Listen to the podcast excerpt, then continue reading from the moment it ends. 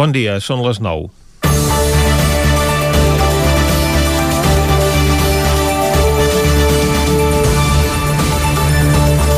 Un any després de la declaració de l'estat d'alarma no podem pas dir que estem millor de com estàvem. La pandèmia s'ha endut moltes vides, massa pel camí, i molts afectats encara en pateixen les conseqüències. Ara, a un any vista, segurament tothom coincideix en que s'hauria d'haver actuat molt abans davant d'un virus del qual llavors en desconeixíem les seves devastadores conseqüències. No només en l'aspecte sanitari, també en l'econòmic i les relacions entre els poders polítics també se n'han ressentit de tot plegat. Ara bé, almenys un any després sí que tendim a millorar. Avui entren en vigor a Catalunya noves mesures de desescalada que han de permetre la mobilitat fora de la comarca amb bombolles de convivència, la reobertura del comerç no essencial als caps de setmana, el retorn del públic als terrenys de joc i de l'esport federat en categories inferiors. Tot i això, els diferents governs han establert que no hi podrà haver mobilitat fora de les diferents comunitats autònomes almenys fins passat Setmana Santa. Quim Torra, que fa un any decretava el confinament domiciliari de la Conca d'Òdena, tots i els dubtes expressats pel govern espanyol sobre la seva legalitat, demanava també el tancament perimetral de Catalunya per evitar el col·lapse del sistema sanitari. La mateixa mesura que ara està en vigor i que llavors li va costar una llau de crítiques i comentaris de desconsideració per totes bandes. Des d'Espanya s'ho van prendre com la veleïtat d'un independentista de l'erós de posar fronteres al seu territori i aïllar-lo de la resta de l'Estat amb la primera excusa que troba. I Pedro Sánchez el va respondre repetint una i altra vegada aquella frase de que tots, que tots recordem de que el virus no coneix de fronteres. Parlant de fronteres, Ahir es feia un acte de protesta entre el Vallespí i l'Alt Empordà amb la participació de diferents càrrecs polítics i d'alcaldes de la Catalunya Nord contra el tancament de passos fronterers entre les dues bandes del territori català amb barricades instal·lades per França. Els que més defensen la supressió de fronteres a l'Europa comunitària són els que més els agrada posar-ne. I a conseqüència de la pandèmia, a França ara mateix les mesures són molt més restrictives i per entrar-hi cal disposar del certificat d'una PCR negativa. Tot i això, la situació a la capital francesa és dramàtica, amb el sistema sanitari col·lapsat, i s'han vist obligats a traslladar malalts de Covid a altres zones amb menor incidència. Mentre tot són restriccions a França o un altre país proper com a Itàlia, els francesos poden alegrement anar de cap de setmana a Madrid on omplen carrers i places i fan tot el que allà els prohibeixen fins a altes hores perquè hi ha més permissivitat. Tot plegat amb l'aquiescència de la seva presidenta, que està fent punts per guanyar les eleccions que acaba d'anticipar, i també del govern espanyol, que no posa fre a aquest llibertinatge madrileny que es dilata en el temps. I finalment arribarem a Setmana Santa sense que ningú pugui sortir de la seva autonomia, però sense cap control als aeroports per posar fre a l'arribada de turistes. Comencem Territori 17, a la sintonia del 9 FM, Ràdio Cardedeu, La Veu de Sant Joan, Ona Codinenca i el 9 TV. Territori 17, amb Vicenç Vigues i Jordi Sunyer.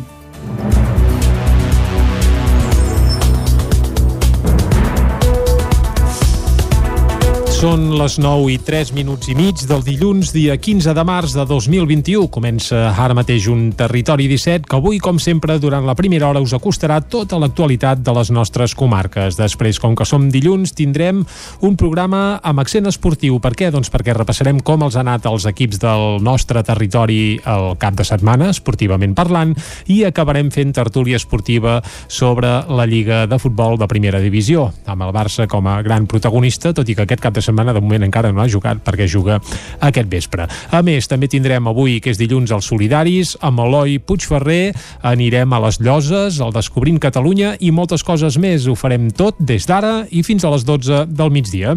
I com sempre, el que fem ara és arrencar tot posant-nos al dia fent un repàs a l'actualitat de les nostres comarques, les comarques del Ripollès, Osona, el Moianès i el Vallès Oriental.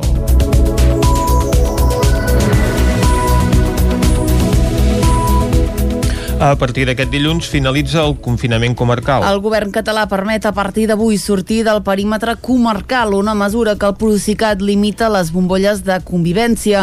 Tal com va dir la consellera de Salut en funcions, Alba Vergés, el perímetre comarcal no desapareix, sinó que passa a ser permeable. A partir d'avui també podrà reobrir el comerç no essencial en cap de setmana. Aquesta resolució té una durada de 14 dies. El conseller d'Interior en funcions, Miquel Samper, ja va dir que amb malgrat l'aire i la descompressió que s'ha aprovat de cara a Setmana Santa, no es poden fer dos passos endavant per haver-ne de fer després quatre enrere. Assumir cribratges, gestionar les residències i més recentment la vacunació. Són algunes de les tasques que des de l'esclat de la pandèmia a Osona ara fa un any han hagut de liderar les directores dels nou equips d'atenció primària de la comarca. Un any després de detectar-se el primer cas de coronavirus a Osona, recorden com van haver de fer front a un virus llavors completament desconegut. Sara Sánchez és la directora de l'equip d'atenció primària de Manlleu a nosaltres ens generava molta, bueno, això, molta incertesa, molta angoixa el fet de, de des, la desconeixença, no? No conèixer una patologia, no saber com, com tractaríem els nostres pacients, com ens afectaria a nosaltres, com aniria. En pocs dies, una escalada exponencial va fer passar als hospitals de la comarca de 0 a 169 pacients ingressats, un escenari que va estar marcat per la manca d'equips de protecció i de proves diagnòstiques. Aquest va ser el primer gran escull de la pandèmia als centres d'atenció primària. A tot plegat, aviat s'hi van sumar els brots massius a les residències, una situació límit que va colpir i molt a l'equip d'atenció primària de Tona. Laia Cabanes és la directora de l'equip d'atenció primària de Tona. Jo crec que el que més hem patit ha sigut amb el brot de la residència del Prat, que va ser el primer, i pel desconeixement, pel pilot de gent que hi va haver malalta, i per tot el que va passar. I després, el dia a dia, ha sigut molt dur.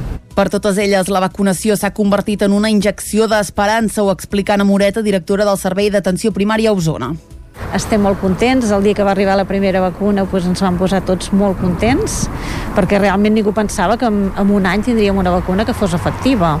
I la veritat és que això ho va agrair tothom molt, molt disposats a vacunar tan ràpid com ens arribin les vacunes, tots. Eh, també dic que és un esforç per l'atenció primària el fet de vacunar, no només el fet de vacunar, sinó que penso que s'ha de posar en valor. Ara esperen aviat tenir dosis suficients per protegir la població. Després d'un any de pandèmia, l'equip d'intervenció ràpida de la residència Casal de la Santa Creu de l'Esquirol s'ha reunit per fer balanç. En Faus, la Carme i la Maria són tres dels usuaris que han superat la Covid a la residència Casal de la Santa Creu de l'Esquirol. El 23 de novembre s'hi va declarar un brot que va afectar a 47 residents, 12 treballadors i es va cobrar 9 vides. Ara que ja torna a ser centre verd, recorden amb angoixa com de llarg se'ls feien els dies tancats a les habitacions, però tot i això continua continuen tenint paraules d'agraïment als cuidadors i cuidadores que els van atendre. Ens havíem d'estar arrastrats a, a l'habitació i, i no podíem sortir, ens donaven l'esmorzar, el dinar i el sopar. Au, tornem a dormir. Treballadors i treballadores ens ajuden molt, i passem més o menys bé. Molt en falta el sortir al mercat. Si necessitàvem alguna cosa, si el pare necessitava alguna com va tot, si necessites alguna cosa, però sempre al seu costat. Vull dir que el que em queda és que vaig estar quatre dies al seu costat fins que el pare va morir. Després d'un any de pandèmia i de reunions i trucades diàries, l'equip d'intervenció ràpida de la residència es reunia per valorar la feina feta. Raquel Coma és infermera de l'àrea bàsica de salut de Roda de Ter i Sònia Guix, directora de la residència Casal de la Santa Creu ja ho sé que són nou, eh?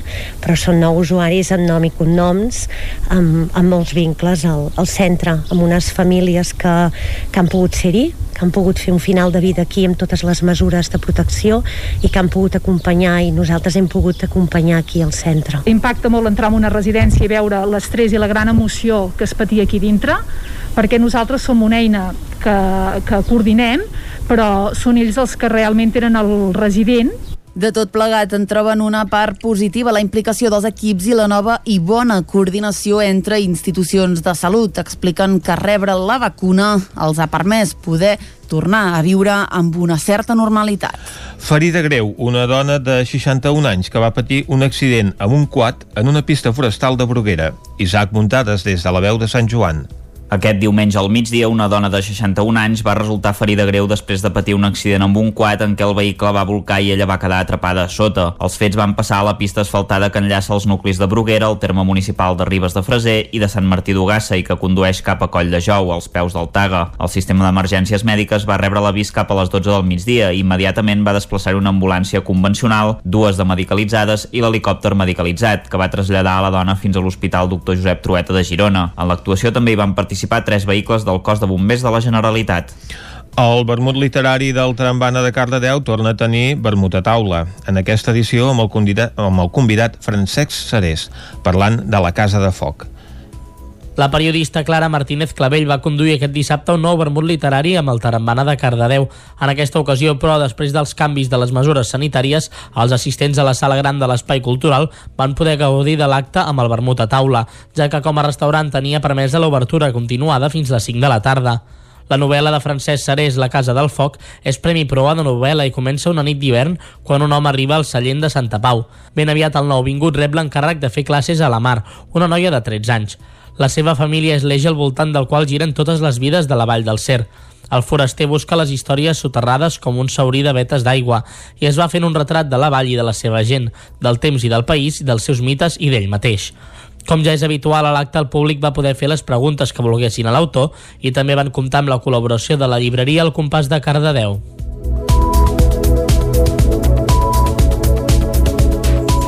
Esports. Derrota d'alcaldes d'hoquei a la pista del Barça per 4-1 en el partit corresponent a la 23a jornada de l'Oc-Lliga. Caral Campàs, des d'una Codinenca. El partit va començar amb un ritme alt aquest divendres, però sense gaires arribades en perill a totes dues porteries. Els d'Edu Castro van començar amb una pressió molt intensa, fet que va dificultar molt el joc ofensiu d'alcaldes. Tot i això, els de la Torre Roja van fer una bona actuació durant la primera part i no van permetre al Barça arribar amb facilitat a la porteria calderina. Alcaldes va obrir el marcador provocant un penal al minut 19 i Sergi Miras va fer el 0 a 1. Poc després el Barça Barça igualava el duel des del punt de penal i a 3 minuts pel descans es posaven per davant. A la represa el guió del partit va canviar respecte a la primera meitat, ja que la igualtat que s'havia vist al parquet del Palau en els primers 25 minuts de joc va donar pas a un domini blaugrana. Al minut 33, després de les 10 faltes dels arlequinats, el porter d'alcaldes Gerard Camps va aturar una falta directa a Pablo Álvarez. Tot i això, l'argentí va aconseguir fer el 3 a 1 rematant una bona contra després d'un error calderí.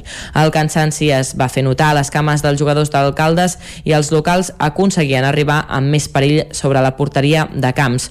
Tot i això no va ser fins al darrer minut quan el Barça va posar el definitiu 4 a 1 de falta directa després de les 15 faltes dels calderins. Edu Candami, tècnic d'alcaldes, valorava així el partit. Eh, bueno, jo crec que em quedo amb la imatge i amb el que l'equip doncs, va poder anar al Palau i competir, i això és, és important pels jugadors, perquè vegin que, que el que fem cada dia fem passos endavant i, i cada temporada doncs, ens hi acostem més.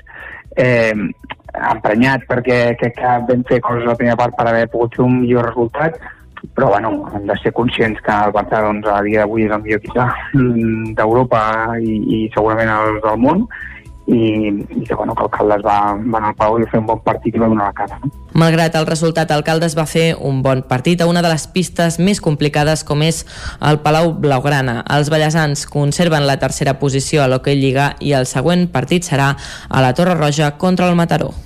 El Motoclub Abadesses denuncia actes incívics al bike park de la població. Isaac Muntades, des de la veu de Sant Joan. El Motoclub Abadeses va denunciar a través de les xarxes socials els actes incívics que ha patit el Bike Park recentment. Els fets van ocórrer la setmana passada i hi ha nombrosos danys i desperfectes que ha patit la instal·lació. Les tanques, la cadena d'accés i els diferents materials que hi ha instal·lats per a la pràctica del bicitrial han estat malmesos. Cal destacar que aquest parc està destinat a la pràctica de l'esport. L'escola de trial del Motoclub Abadeses imparteix els seus cursets i els joves pilots entrenen i es formen en la disciplina del trial en aquest espai. No es tracta d'un parc infantil públic destinat al lleure. Segons va explicar l'entitat esportiva, esportiva darrere d'aquesta instal·lació hi ha una feina incansable per part de l'entitat i de totes les persones que hi col·laboren amb un únic objectiu, la formació i la diversió dels més joves. El Motoclub Abadeses ha posat aquests actes vandàlics en coneixement de l'Ajuntament i la policia local per tal d'esclarir els fets. I fins aquí el butlletí de notícies que us hem ofert amb les veus de Vicenç Vigues, Clàudia Dinarès, David Auladell, Caral Campàs i Isaac Muntades. I ara el que ens toca, com sempre en aquesta hora, és parlar del temps. Ho farem amb en Pep Acosta.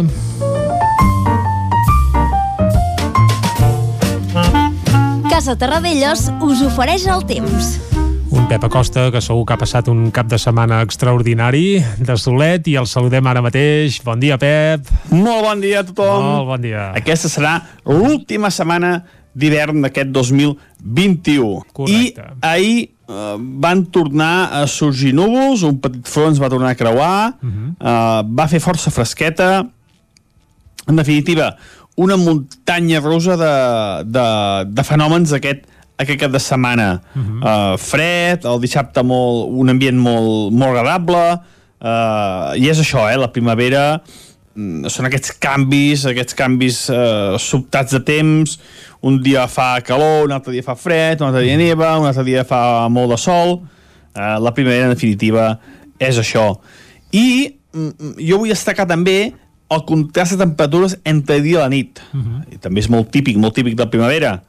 Uh, per exemple, aquesta nit ha glaçat el Pirineu, unes glaçades importants, 6, 7, 8 sota 0 alta muntanya, a les poblacions 1, 2, 3 sota 0, glaçades sota 0, també el Montseny ha glaçat, a les zones més fredes del Mollanès i d'Osona també ha glaçat, uh, per tant, uh, són nits fredes, uh, el febrer va costar molt de glaçar i aquestes últimes nits està glaçant uh, fora de zones del Pirineu, cap a l'interior també també està glaçant.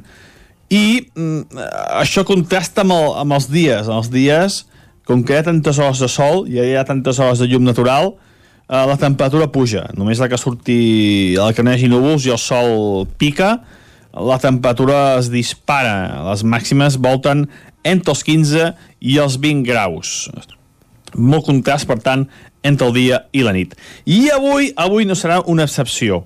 Com deia, ens llevem amb unes temperatures baixes, amb, amb glaçades, i amb força sol. Hi ha molt de sol, molts pocs núvols, serà la tònica general del dia d'avui, a excepció del Pirineu, perquè tenim una petita entrada de nord, uh, un vent que, que, atenció, pot bufar bastant fort a les zones més altes del Pirineu, no serà cap temporal de vent, però sí que bufarà fort en els cims.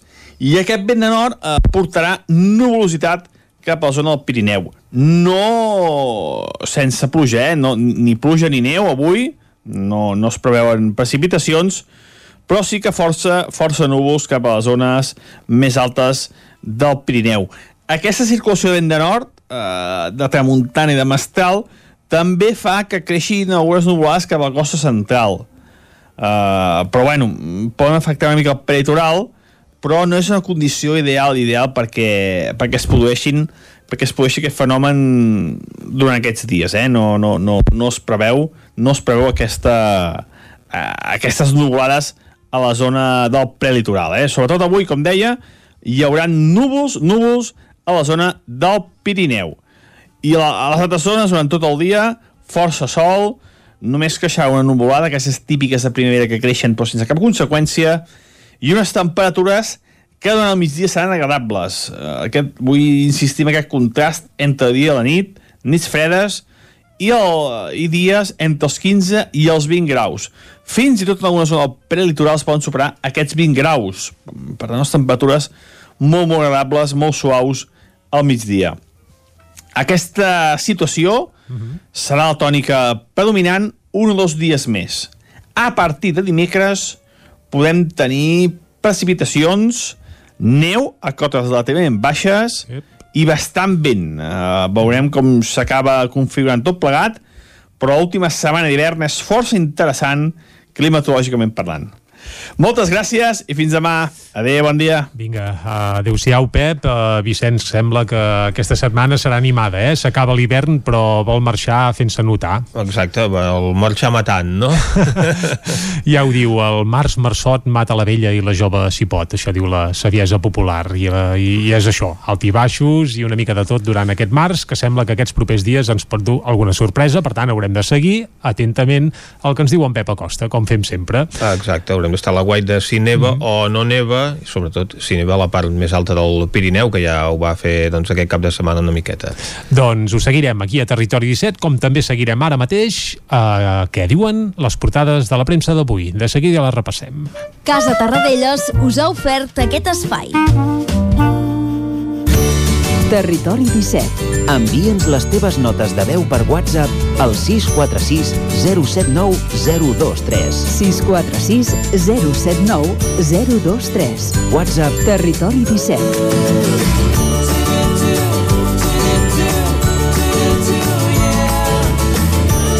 Territori 17. Som a Facebook, Twitter i Instagram amb l'usuari Territori 17.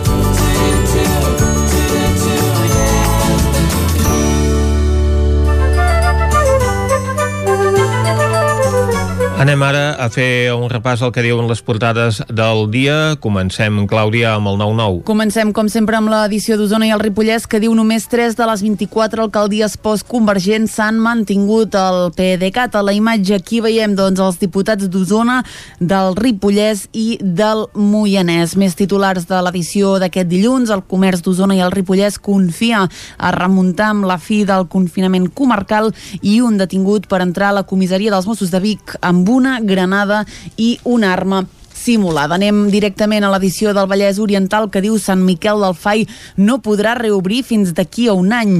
Els ajuntaments esperen la reobertura de l'espai que va tancar el 2017 per fer-hi reformes. A la imatge treballs alternatius a la condemna. Un centenar de persones del Vallès compleixen les seves sentències penals fent treballs comunitaris relacionats amb la prevenció de la Covid-19. Dos titulars més i anem a les portades catalanes. Cardedeu impulsa una important ampliació de la xarxa ciclable i un motorista mor a Parets en topar amb un camió a la C-17. Doncs anem a veure què diuen les portades dels diaris catalans. Comencem, com sempre, amb el punt avui que diu mobilitat en retrocés. El transport públic perd un 60% dels usuaris des de l'inici de la pandèmia. A la imatge clam perquè es reobri la frontera. Més de 500 veïns i veïnes del nord i del sud participen en l'acte de protesta en un dels passos barrats fa setmanes per França. I avui eh, també veiem a Ayuso, la justícia avala les eleccions de Díaz Ayuso. Anem al diari Ara que diu Ciutadans tem que es produeixin sortides en bloc. A la imatge 10 anys de guerra a Síria, un país, diu l'Ara, que només existeix al mapa. També parlen de les matemàtiques, diu un aliat ideal per afrontar la pandèmia. El sector reivindica el seu paper per predir-ne l'evolució. Anem al periòdico que diu Ayuso obté l'aval judicial a les urnes del 4M i Ciutadans es trasbalsa. A la imatge hi veiem a Teresa Rivera, ministra per la transició ecològica, que diu les bateries es poden fabricar a Martorell i a altres llocs. Una dada que dona el periòdico és que dos de cada deu malalts de Covid poden reinfectar-se als 3 mesos. I a l'avantguàrdia, la justícia avala la convocatòria electoral d'Ayuso a Madrid. El tribunal considera que la decisió del govern de la comunitat preval sobre la moció de l'oposició. A la imatge protesta contra la policia de Londres i també entrevisten a Jordi Cuixart, president d'Òmnium Cultural, que diu no podem renunciar a la paraula, és la nostra arma principal. Anem a veure què treuen en portada els diaris editats a Madrid. Comencem amb el país que diu govern PP i Casa del Rei negocien reformes a la corona. Com a l'avantguàrdia, a la imatge del país, massiva protesta a Londres per la violència contra les dones i la justícia manté les eleccions del 4 de maig a Madrid. El munt del PP ultima més fitxatges de Ciutadans en ple debat sobre el seu futur. L'executiva de Ciutadans estudiarà avui mateix el cessament de Carlos Cuadrado, segon d'Arrimades. La justícia diu dona la raó a Ayuso i manté les eleccions al 4 de maig. Ayuso, per cert, aquí veiem la imatge de la portada. Anem a la raó que diu Rivera contacta amb càrrecs de Ciutadans per tombar arrimades. El partit taronja es desploma, però tindria la clau per donar sol a PP i a PSOE. A la imatge que veiem és de Rocío Monasterio, presidenta de Vox a Madrid, que diu Ayuso haurà d'entendre's amb Vox. I acabem amb l'ABC, que diu el ministre de Seguretat Social projecta pujar impostos als sous de més de 49.000 euros. Qui veiem, però, a la imatge és a Inés Arrimadas, diu Ciutadans, a punt de partir-se en dos amb el nucli dur en joc. No deixa de ser curiós que aquesta decisió judicial que avala l'avançament de les eleccions a la Comunitat de Madrid, decretat per la seva presidenta i en detriment de la moció de censura que van presentar en posterioritat aquest anunci doncs, tant Mas Madrid com el PSOE, sigui una notícia que destaca més en alguns diaris catalans que no pas en els diaris madrilenys, i és que aquesta notícia és el titular més destacat d'avui del periòdico i de la Vanguardia. Dos eh, diaris doncs, que també es refereixen a altres temes. El periòdic entrevista a la ministra de Transició Ecològica, Teresa Rivero, que apareix també en portada, juntament amb una imatge d'ahir la tarda al Born, ple de gent en plena celebració. A la Vanguardia, doncs, la fotografia de portada està dedicada a aquestes manifestacions de protesta a Londres, després de que es donés el cas d'un policia que està acusat de raptar i assassinar eh, una dona en aquesta capital britànica. És una fotografia que també apareix a la portada del de País Avui. El Punt Avui doncs, ha escollit com a imatge de portada aquesta protesta que hi va haver ahir entre el Vallespí i l'Alt Empordà en contra d'aquests passos fronterers que el govern francès doncs, ha tancat en plena pandèmia. Recordem doncs, que, la, que hi ha restriccions d'entrada a França, mentre que el diari Ara dedica la seva fotografia de portada i el tema del dia als 10 anys de la guerra a eh, Síria. En canvi, la premsa de Madrid es fixa més en la descomposició de Ciudadanos i aquesta opa hostil, podríem dir que el Partit Popular doncs, ha eh, impulsat en contra de la formació taronja després de fracassar la moció de censura a eh, Múrcia, que ha desencadenat tota aquesta situació d'inestabilitat a l'estat espanyol, perquè alguns dels de, eh, membres de Ciudadanos doncs, s'han passat al govern del Partit Popular i per tant no tindran vots suficients per tirar endavant la moció de censura. Veiem a la presidenta madrilenya Isabel Díaz Ayuso a la portada del Mundo fent-se una fotografia amb unes noies al barri de Salamanca, el barri predilecte dels votants del Partit Popular, Inés Arrimadas doncs, que apareix a la portada de l'ABC i a La Razón entrevisten a Rocío Monasterio, la presidenta de Vox a Madrid, que és qui ocupa la portada d'aquest diari, on apareix una enquesta també de projecció electoral que estableix doncs, una pujada del Partit Popular, el, el PSOE doncs, guanyaria un sol diputat i els vuit de, de Ciutadans decidirien el president de la comunitat. Ara fem una pausa i tornem d'aquí un moment. El nou FM, la ràdio de casa, al 92.8. Papeta Vilaró, menjar a domicili per a gent gran. Menús saludables i adaptats segons les seves necessitats. Per viure més temps a casa amb millor salut i qualitat de vida. Informa-te'n al 931 31 71 81 o a papetavilaró.cat. Papeta Vilaró, la salut i el benestar dels nostres avis comença per cuidar el que mengen. A Vic, T52, un taller d'emocions una celebració, un reconeixement, un record, la victòria, el premi. Tenim una solució personalitzada per a cada ocasió. Ens trobaràs al centre, al carrer 941 i també a l'Horta Vermella, al carrer Menéndez Pelayo 31. Més informació a t52.cat. Passema, comercial de maquinària i utillatges amb més de 50 anys al vostre servei. Visiteu la nostra botiga i trobareu productes de gran qualitat. Passema, som al polígon Sot dels Pradals, al carrer Cervera 10 de Vic. Telèfon 93 885 32 51. Passema us desitja un bon mercat del ram. Cocodril Club. Si t'agrada la bona música dels anys 60, 70 i 80, escolta el 9 FM als matins de dissabtes i diumenges d'11 a 1. És el temps del Cocodril Club, tot un clàssic de la ràdio, amb les bases del pop-rock, les llegendes, les cançons que s'han convertit en autèntics himnes. Recorda, dissabtes i diumenges al matí, d'11 a 1, al 9 FM 92.8. Cocodril Club, el programa revival de l'Albert Malla.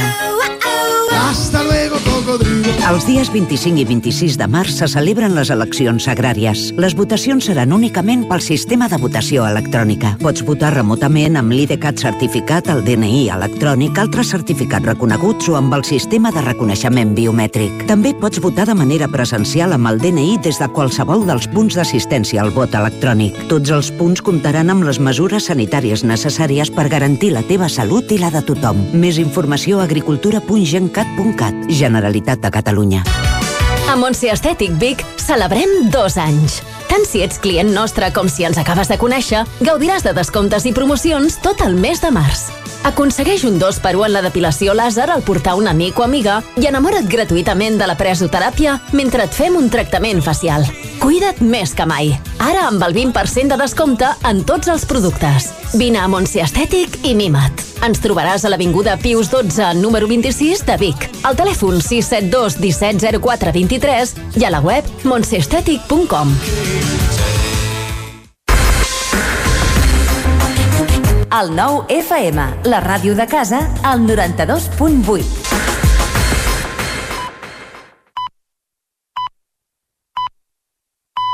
Territori 17, amb Vicenç Vigues i Jordi Sunyer. Dos quarts de deu en punt d'avui dilluns, dia 15 de març de 2021. Seguim en directe aquí a Territori 17 i de seguida us acostarem de nou tota l'actualitat de les nostres comarques. Després, com que és dilluns, a partir de les 10, un nou butlletí informatiu, entrevista. Avui coneixerem, atenció, el disc Recreacions Tímbriques de Bartok a Montpou, protagonitzat per David Vinyoles, que és bateria, i Sergi Sirvent, pianista clàssic, un tàndem força, bé, força curiós, si més no, doncs en coneixerem els detalls avui aquí a Territori 17. També anirem als solidaris amb Eloi Puigferrer, avui per conèixer què fan a Dibuixa un camí.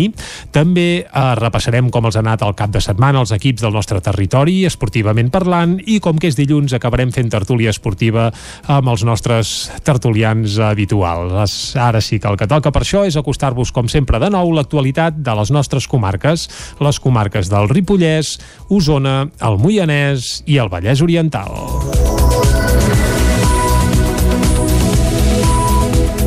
A partir d'aquest dilluns finalitza el confinament comarcal. El govern català permet a partir d'avui sortir del perímetre comarcal, una mesura que el Procicat limita les bombolles de convivència. Tal com va dir la consellera de Salut en funcions, Alba Vergés, el perímetre comarcal no desapareix, sinó que passa a ser permeable. A partir d'avui també podrà reobrir el comerç no essencial en cap de setmana. Aquesta resolució té una durada de 14 dies. El conseller d'Interior en funcions, Miquel Samper, ja va dir que malgrat l'aire i la descompressió que s'ha aprovat de cara a Setmana Santa, no es poden fer dos passos endavant per haver-ne de fer després quatre enrere. Assumir cribratges, gestionar les residències i més recentment la vacunació. Són algunes de les tasques que des de l'esclat de la pandèmia a Osona ara fa un any han hagut de liderar les directores dels nou equips d'atenció primària de la comarca. Un any després de detectar-se el primer cas de coronavirus a Osona, recorden com van haver de fer front a un virus llavors completament desconegut. Sara Sánchez és la directora de l'equip d'atenció primària de Manlleu a nosaltres ens generava molta, bueno, això, molta incertesa, molta angoixa el fet de, de des, la desconeixença, no? No conèixer una patologia, no saber com, com tractaríem els nostres pacients, com ens afectaria a nosaltres, com aniria. En pocs dies, una escalada exponencial va fer passar als hospitals de la comarca de 0 a 169 pacients ingressats, un escenari que va estar marcat per la manca d'equips de protecció i de proves diagnòstiques. Aquest va ser el primer gran escull de la pandèmia als centres d'atenció primària. A tot plegat, aviat s'hi van sumar els brots massius a les residències, una situació límit que va colpir i molt a l'equip d'atenció primària de Tona. Laia Cabanes és la directora de l'equip d'atenció primària de Tona. Jo crec que el que més hem patit ha sigut amb el brot de la residència del Prat, que va ser el primer i pel desconeixement, pel pilot de gent que hi va haver malalta i per tot el que va passar. I després el dia a dia ha sigut molt dur.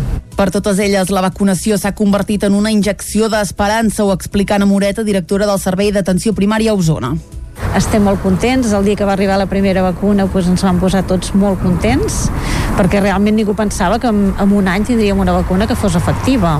I la veritat és que això ho va agrair tothom molt, molt disposats a vacunar tan ràpid com ens arribin les vacunes, tots. Eh, també dir que és un esforç per l'atenció primària el fet de vacunar, no només el fet de vacunar, sinó que penso que s'ha de posar en valor Ara esperen aviat tenir dosis suficients per protegir la població. Després d'un any de pandèmia, l'equip d'intervenció ràpida de la residència Casal de la Santa Creu de l'Esquirol s'ha reunit per fer balanç. En Faus, la Carme i la Maria són tres dels usuaris que han superat la Covid a la residència Casal de la Santa Creu de l'Esquirol. El 23 de novembre s'hi va declarar un brot que va afectar a 47 residents, 12 treballadors i es va cobrar 9 vides. Ara que ja torna a ser centre verd, recorden amb angoixa com de llarg se'ls feien els dies tancats a les habitacions, però tot i això continuen tenint paraules d'agraïment als cuidadors i cuidadores que els van atendre ens havíem d'estar arrastrats a, a l'habitació i, i no podíem sortir, ens donaven l'esmorzar, el dinar i el sopar. Au, tornem a dormir. Treballadors i treballadores ens ajuden molt i passem més o menys bé.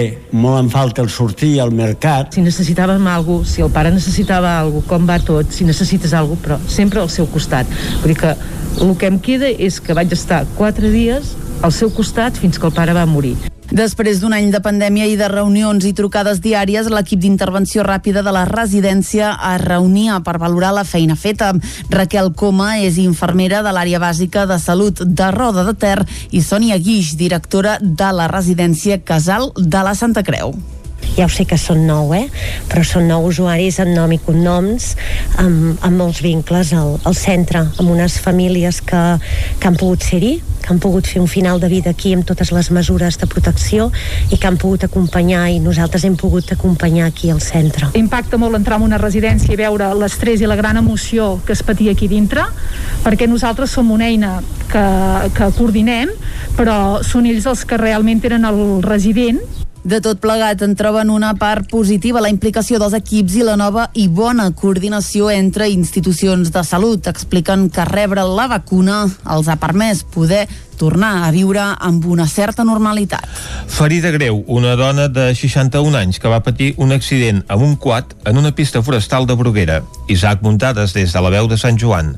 Aquest diumenge al migdia, una dona de 61 anys va resultar ferida greu després de patir un accident amb un quad en què el vehicle va volcar i ella va quedar atrapada a sota. Els fets van passar a la pista asfaltada que enllaça els nuclis de Bruguera, el terme municipal de Ribes de Freser i de Sant Martí d'Ugassa i que condueix cap a Coll de Jou, als peus del Taga. El sistema d'emergències mèdiques va rebre l'avís cap a les 12 del migdia i immediatament va desplaçar una ambulància convencional, dues de medicalitzades i l'helicòpter medicalitzat, que va traslladar a la dona fins a l'Hospital Doctor Josep Trueta de Girona. En l'actuació també hi van participar participar tres vehicles del cos de bombers de la Generalitat. El vermut literari del Trambana de Cardedeu torna a tenir vermut a taula. En aquesta edició amb el convidat, amb el convidat Francesc Serés, parlant de la Casa de Foc. La periodista Clara Martínez Clavell va conduir aquest dissabte un nou vermut literari amb el Tarambana de Cardedeu. En aquesta ocasió, però, després dels canvis de les mesures sanitàries, els assistents a la sala gran de l'Espai Cultural van poder gaudir de l'acte amb el vermut a taula, ja que com a restaurant tenia permesa l'obertura continuada fins a les 5 de la tarda. La novel·la de Francesc Sarés, La casa del foc, és Premi Proa de novel·la i comença una nit d'hivern quan un home arriba al cellent de Santa Pau. Ben aviat el nouvingut rep l'encàrrec de fer classes a la Mar, una noia de 13 anys. La seva família és l'eix al voltant del qual giren totes les vides de la Vall del Cer. El foraster busca les històries soterrades com un saurí de vetes d'aigua i es va fent un retrat de la vall i de la seva gent, del temps i del país, dels seus mites i d'ell mateix. Com ja és habitual a l'acte, el públic va poder fer les preguntes que volguessin a l'autor i també van comptar amb la col·laboració de la llibreria El Compàs de Cardedeu.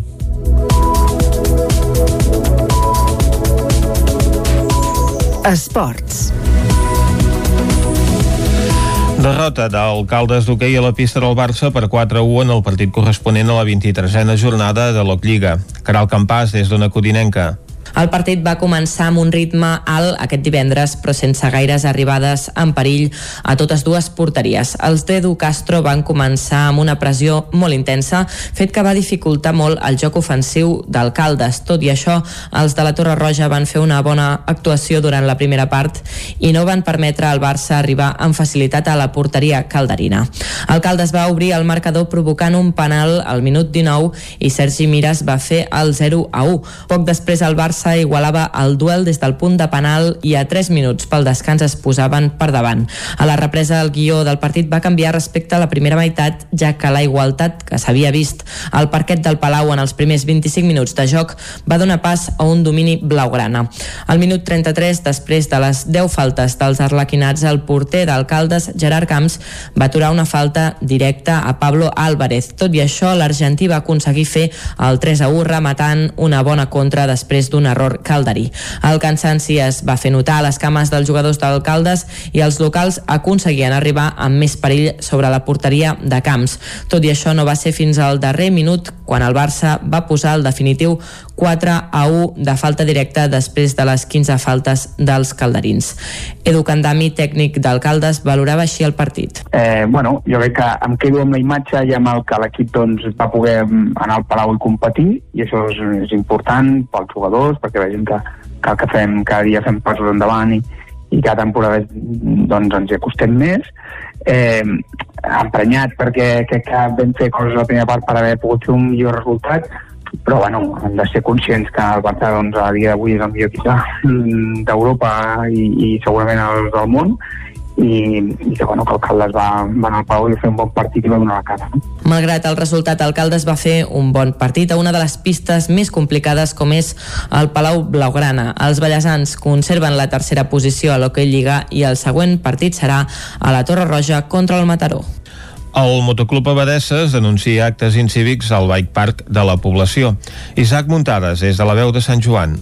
El Motoclub Abadeses va denunciar a través de les xarxes socials els actes incívics que ha patit el Bike Park recentment. Els fets van ocórrer la setmana passada i hi ha nombrosos danys i desperfectes que ha patit la instal·lació. Les tanques, la cadena d'accés i els diferents materials que hi ha instal·lats per a la pràctica del bicitrial han estat malmesos. Cal destacar que aquest parc està destinat a la pràctica de l'esport. L'escola de trial del Motoclub Abadeses imparteix els seus cursets i els joves pilots entrenen i es formen en la disciplina del trial en aquest espai. No es tracta d'un parc infantil públic destinat al lleure. Segons va explicar l'entitat esportiva, esportiva darrere d'aquesta instal·lació hi ha una feina incansable per part de l'entitat i de totes les persones que hi col·laboren amb un únic objectiu, la formació i la diversió dels més joves. El Motoclub Abadeses ha posat aquests actes vandàlics en coneixement de l'Ajuntament i la policia local per tal d'esclarir els fets. I fins aquí el butlletí de notícies que us hem ofert amb les veus de Vicenç Vigues, Clàudia Dinarès, David Auladell, Caral Campàs i Isaac Muntades. I ara el que ens toca, com sempre en aquesta hora, és parlar del temps. Ho farem amb en Pep Acosta.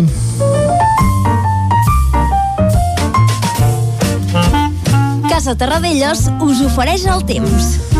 Pep Acosta que segur que ha passat un cap de setmana extraordinari de solet i el saludem ara mateix. Bon dia, Pep. Molt bon dia a tothom. Molt bon dia. Aquesta serà l'última setmana d'hivern d'aquest 2021. Correcte. I ahir eh, van tornar a sorgir núvols, un petit front va tornar a creuar, uh -huh. eh, va fer força fresqueta, en definitiva, una muntanya rusa de, de, de fenòmens aquest aquest cap de setmana uh -huh. uh, fred, el dissabte molt, un ambient molt, molt agradable uh, i és això, eh, la primavera mm, són aquests canvis aquests canvis uh, sobtats de temps. Un dia fa calor, un altre dia fa fred un altre dia neva, un altre dia fa molt de sol. Uh, la primavera en definitiva és això. I mm, jo vull destacar també el contrast de temperatures entre dia i la nit. Uh -huh. I també és molt típic, molt típic de la primavera. Uh, per exemple, aquesta nit ha glaçat el Pirineu, unes glaçades importants, 6, 7, 8 sota 0 alta muntanya, a les poblacions 1, 2, 3 sota 0, glaçades sota 0, també el Montseny ha glaçat, a les zones més fredes del Mollanès i d'Osona també ha glaçat, uh, per tant, uh, són nits fredes, uh, el febrer va costar molt de glaçar, i aquestes últimes nits està glaçant uh, fora de zones del Pirineu, cap a l'interior també també està glaçant. I mm, això contrasta amb, el, amb els dies. En els dies, com que hi ha tantes hores de sol i hi ha tantes hores de llum natural, eh, la temperatura puja. Només la que surti, la que no hi hagi núvols i el sol pica, la temperatura es dispara. Les màximes volten entre els 15 i els 20 graus. Molt contrast, per tant, entre el dia i la nit. I avui, avui no serà una excepció. Com deia, ens llevem amb unes temperatures baixes, amb, amb glaçades, i amb força sol. Hi ha molt de sol, molts pocs núvols, serà la tònica general del dia d'avui, a excepció del Pirineu, perquè tenim una petita entrada de nord, uh, un vent que, que atenció, pot bufar bastant fort a les zones més altes del Pirineu, no serà cap temporada de vent, però sí que bufarà fort en els cims. I aquest vent de nord eh, portarà nuvolositat cap a la zona del Pirineu. No sense pluja, eh? No, ni pluja ni neu avui, no, no es preveuen precipitacions, però sí que força, força núvols cap a les zones més altes del Pirineu. Aquesta circulació de vent de nord, eh, de tramuntana i de mestral, també fa que creixin algunes nuvolades cap a la costa central. Uh, però bueno, poden afectar una mica el peritoral, però no és una condició ideal ideal perquè, perquè es produeixin perquè es produeixi aquest fenomen durant aquests dies, eh? no, no, no, no es preveu no es preveu aquesta, uh, aquestes nuvolades a la zona del prelitoral. Eh? Sobretot avui, com deia, hi haurà núvols, núvols a la zona del Pirineu. I a, les altres zones, durant tot el dia, força sol, només creixerà una nuvolada, aquestes típiques de primavera que creixen però sense cap conseqüència, i unes temperatures que durant el migdia seran agradables. Uh, aquest, vull insistir en aquest contrast entre dia i la nit, nits fredes, i, el, i dies entre els 15 i els 20 graus. Fins i tot en alguna zona del prelitoral es poden superar aquests 20 graus. Per tant, les temperatures molt, molt agradables, molt suaus al migdia. Aquesta situació uh -huh. serà la tònica predominant un o dos dies més. A partir de dimecres podem tenir precipitacions, neu a cotes relativament baixes Ep. i bastant vent. Uh, veurem com s'acaba configurant tot plegat, però l'última setmana d'hivern és força interessant climatològicament parlant. Moltes gràcies i fins demà. Adéu, bon dia. Vinga, adeu-siau, Pep. Uh, Vicenç, sembla que aquesta setmana serà animada, eh? S'acaba l'hivern, però vol marxar fent-se notar. Exacte, vol marxar matant, no? ja ho diu, el març marçot mata la vella i la jove si pot, això diu la saviesa popular. I, uh, i, i és això, alt i baixos i una mica de tot durant aquest març, que sembla que aquests propers dies ens pot dur alguna sorpresa, per tant haurem de seguir atentament el que ens diu en Pep Acosta, com fem sempre. Ah, exacte, haurem d'estar a la guai de si neva mm. o no neva, i sobretot si neva a la part més alta del Pirineu, que ja ho va fer doncs, aquest cap de setmana una miqueta. Doncs ho seguirem aquí a Territori 17, com també seguirem ara mateix eh, què diuen les portades de la premsa d'avui. De seguida les repassem. Casa Tarradellas us ha ofert aquest espai. Territori 17. Envia'ns les teves notes de veu per WhatsApp al 646 079 023. 646 079 023. WhatsApp Territori 17.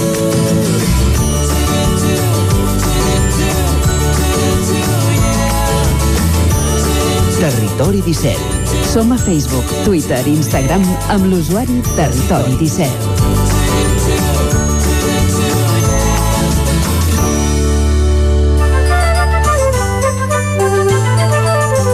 Anem ara a fer un repàs al que diuen les portades del dia. Comencem, Clàudia, amb el 9-9. Comencem, com sempre, amb l'edició d'Osona i el Ripollès, que diu només 3 de les 24 alcaldies postconvergents s'han mantingut el PDeCAT. A la imatge aquí veiem doncs, els diputats d'Osona, del Ripollès i del Moianès. Més titulars de l'edició d'aquest dilluns. El comerç d'Osona i el Ripollès confia a remuntar amb la fi del confinament comarcal i un detingut per entrar a la comissaria dels Mossos de Vic amb una granada i una arma simulada. Anem directament a l'edició del Vallès Oriental que diu Sant Miquel del Fai no podrà reobrir fins d'aquí a un any.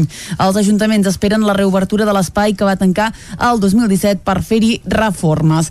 A la imatge treballs alternatius a la condemna. Un centenar de persones del Vallès compleixen les seves sentències penals fent treballs comunitaris relacionats amb la prevenció de la Covid-19. Dos titulars més i anem a les portades catalanes. Cardedeu impulsa una important ampliació de la xarxa ciclable i un motorista mor a Parets en topar amb un camió a la C-17. Doncs anem a veure què diuen les portades dels diaris catalans. Comencem, com sempre, amb el punt avui que diu mobilitat en retrocés. El transport públic perd un 60% dels usuaris des de l'inici de la pandèmia. A la imatge clam perquè es reobri la frontera. Més de 500 veïns i veïnes del nord i del sud participen en l'acte de protesta en un dels passos barrats fa setmanes per França. I avui eh, també veiem a Ayuso, la justícia avala les eleccions de Díaz Ayuso. Anem al diari Ara que diu Ciutadans tem que es produeixin sortides en bloc. A la imatge 10 anys de guerra a Síria, un país, diu l'Ara, que només existeix al mapa. També parlen de les matemàtiques, diu un aliat ideal per afrontar la pandèmia.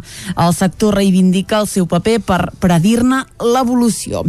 Anem al periòdico que diu Ayuso obté l'aval judicial a les urnes del 4M i Ciutadans es trasbalsa.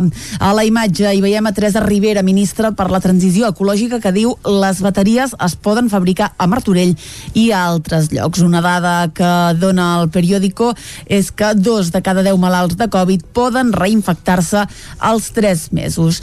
I a l'avantguàrdia, la justícia avala la convocatòria electoral d'Ayuso a Madrid. El tribunal considera que la decisió del govern de la comunitat preval sobre la moció de l'oposició. A la imatge protesta contra la policia de Londres i també entrevisten a Jordi Cuixart, president d'Òmnium Cultural, que diu no podem renunciar a la paraula, és la nostra arma principal. Anem a veure què treuen en portada els diaris editats a Madrid. Comencem amb el país que diu govern PP i Casa del Rei negocien reformes a la corona. Com a l'avantguàrdia, la imatge del país, massiva protesta a Londres per la violència contra les dones i la justícia manté les eleccions del 4 de maig a Madrid. El món del PP ultima més fitxatges de Ciutadans en ple debat sobre el seu futur. L'executiva de Ciutadans estudiarà avui mateix el cessament de Carlos Cuadrado, segon d'Arrimades. La justícia, diu, dona la raó a Ayuso i manté les eleccions al 4 de maig. Ayuso, per cert, aquí veiem la imatge de la portada. Anem a la raó que diu Rivera compta contacte amb càrrecs de Ciutadans per tombar arrimades. El partit taronja es desploma, però tindria la clau per donar sol a PP i a PSOE. A la imatge que veiem és de Rocío Monasterio, presidenta de Vox a Madrid, que diu Ayuso haurà d'entendre's amb Vox. I acabem amb l'ABC, que diu el ministre de Seguretat Social projecta pujar impostos als sous de més de 49.000 euros. Qui veiem, però, a la imatge és a Inés Arrimadas, diu Ciutadans, a punt de partir-se en dos amb el nucli dur en joc. No deixa de ser curiós que aquesta decisió judicial que avala l'avançament de les eleccions a la Comunitat de Madrid, decretat per la seva presidenta i en detriment de la moció de censura que van presentar en posterioritat aquest anunci doncs, tant Mas Madrid com el PSOE, sigui una notícia que destaca més en alguns diaris catalans que no pas en els diaris madrilenys, i és que aquesta notícia és el titular més destacat d'avui del periòdico i de la Vanguardia.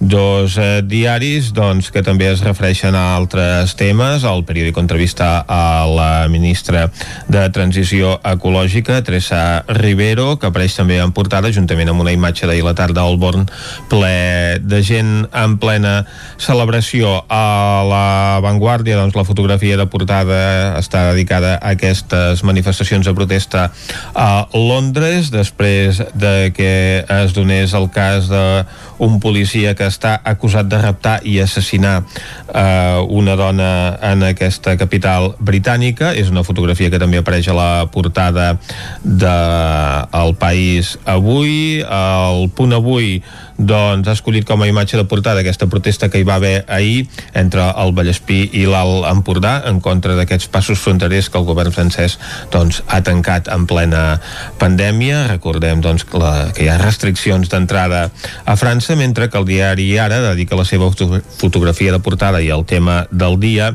als 10 anys de la guerra a Síria. En canvi, la premsa de Madrid es fixa més en la descomposició de Ciudadanos i aquesta opa hostil, podríem dir que el Partit Popular doncs, ha eh, impulsat en contra de la formació taronja després de fracassar la moció de censura a Múrcia, que ha desencadenat tota aquesta situació d'inestabilitat a l'estat espanyol perquè alguns dels de, eh, membres de Ciudadanos doncs, s'han passat al govern del Partit Popular i per tant no tindran vots suficients per tirar endavant la moció de censura. Veiem a la presidenta madrilenya Isabel Díaz Ayuso a la portada del Mundo fent-se una fotografia amb unes noies al barri de Salamanca, el barri predilecte dels votants del Partit Popular Inés Arrimadas doncs, que apareix a la portada de l'ABC i a La Razón entrevisten a Rocío Monasterio, la presidenta de Vox a Madrid, que és qui ocupa la portada d'aquest diari, on apareix una enquesta també de projecció electoral que estableix doncs, una pujada del Partit Popular, el, el PSOE doncs, guanyaria un sol diputat i els vuit de, de Ciutadans decidirien el president de la comunitat. És a dir, que a Madrid, si fa no fot, es quedarien igual, eh? Doncs es quedarien en mans del partit eh, de Ciudadanos, perquè uh -huh. el Partit Popular no es quedarien igual, perquè el Partit Popular guanyaria les eleccions segons aquesta enquesta. Bé, però no pas per majoria absoluta, que no. és com suposem que uh -huh. Díaz Ayuso espera guanyar i que per això bé, ha avançat aquests comicis per, entre cometes, treure's de sobre els companys de Ciutadans i poder caminar sola. Però bé, el que passi a Madrid, doncs ja ho seguirem, ja ens ho mirarem, però nosaltres ara ens volem acostar a casa nostra, com fem sempre a la part final de la primera hora de Territori 17 i posar-hi una mica de música, que sempre va bé. I tant. I, ostres, cal dir que aquest cap de setmana ha estat un cap de setmana ple de novetats musicals eh, d'artistes vinculats al Territori 17. Estàs Eh, dient ple d'estrenes mundials. Estrenes mundials, correcte, correcte. Han estrenat single la Núria Graham, ha estrenat single el Guillem Roma, que ben aviat torna amb un nou disc i ho ha fet de bracet amb la Sílvia Pérez Cruz. Han estrenat nou single els Palat i Pelut amb un videoclip fantàstic. És a dir, estem eh, bueno, envaïts de novetats. Aquesta primavera arriba molt ben farcida i molt ben bé. La veritat és que promet, promet i molt. Tenim feina I pels propers dies, no? Molta, molta, molta feina i aquí a Territori 17 evidentment us l'anirem servint amb safata perquè la veritat és que val tot molt la pena. Dius, vai, per on comencem? Doncs mira, hem decidit començar per la Núria Graham, que és la primera que va treure el seu nou single, Mhm. el va treure divendres concretament, és d'una peça que es diu At Last i és un single amb un videoclip també fantàstic que, que recomanem i molt, clar, evidentment per la ràdio el videoclip no el pescarem pas, però la veritat és que és molt aconsellable. I eh, cal dir que hi ha una petita novetat en aquest eh, nou single de la Núria Graham i és que sempre l'hem vist acompanyada amb la guitarra i bé, i evidentment i cantant, però aquí també eh, es deixa anar el piano.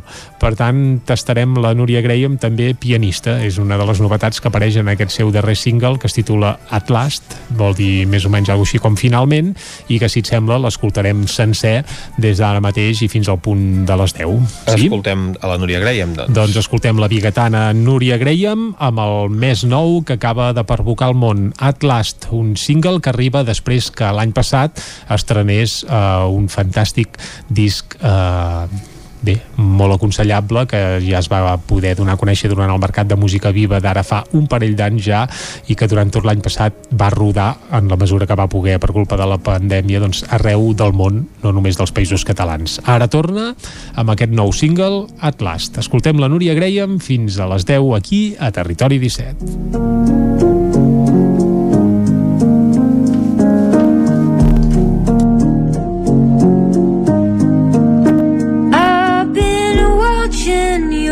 Brothers and sisters, trying to understand, wandering on various subways, sweating on a train.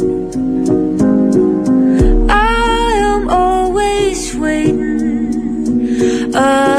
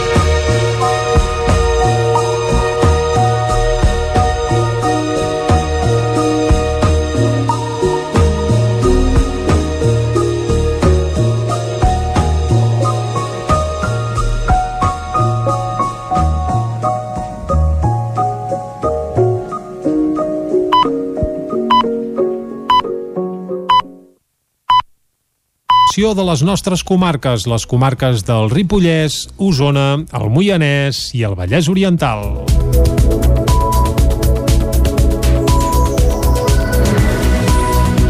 Més de 200 treballadors de bosc protesten a les portes de la Ciutadella contra el tancament de la planta de Lliçà, que deixarà sense feina 336 treballadors. David Oladell, de Ràdio Televisió, Cardedeu. En un inici, el comitè d'empresa havia convocat una concentració a les portes del Parlament, però finalment van acabar canviant l'ubicació perquè la policia va limitar l'accés al Parc de la Ciutadella. Una representació de la plantilla sí que va poder entrar i es va reunir amb el president del Parlament en funcions, Roger Torrent, per reclamar que l'administració treballi per revertir un tancament d'una de les fàbriques més grans i que genera més activitat al Vallès Oriental. Aquesta setmana també es van reunir amb el vicepresident en funcions de president, Pere Aragonès, i amb el conseller de Treball, Shakira Homrani. El procés de consultes de l'ERO ha de començar aquest dijous i s'ha d'allargar com a mínim un mes per reclamar el que pertoca a cada treballador. S'encalla la venda de les naus de Prismian a Manlleu. En aquests moments, després que únicament una empresa, el grup Benito Novatilo, s'interessés per la compra, la venda està estancada. En la visita a les naus hi han passat mitja dotzena d'empreses que no han arribat a fer cap oferta. Prismian sembla no tenir pressa, tot i que assegura que continua treballant per vendre. Té temps, segons l'acord de tancament, fins a finals d'aquest any. El Ripollès té més alumnes de formació professional que estudien fora de la comarca dels que capta d'altres indrets. Isaac Muntades, des de la veu de Sant Joan.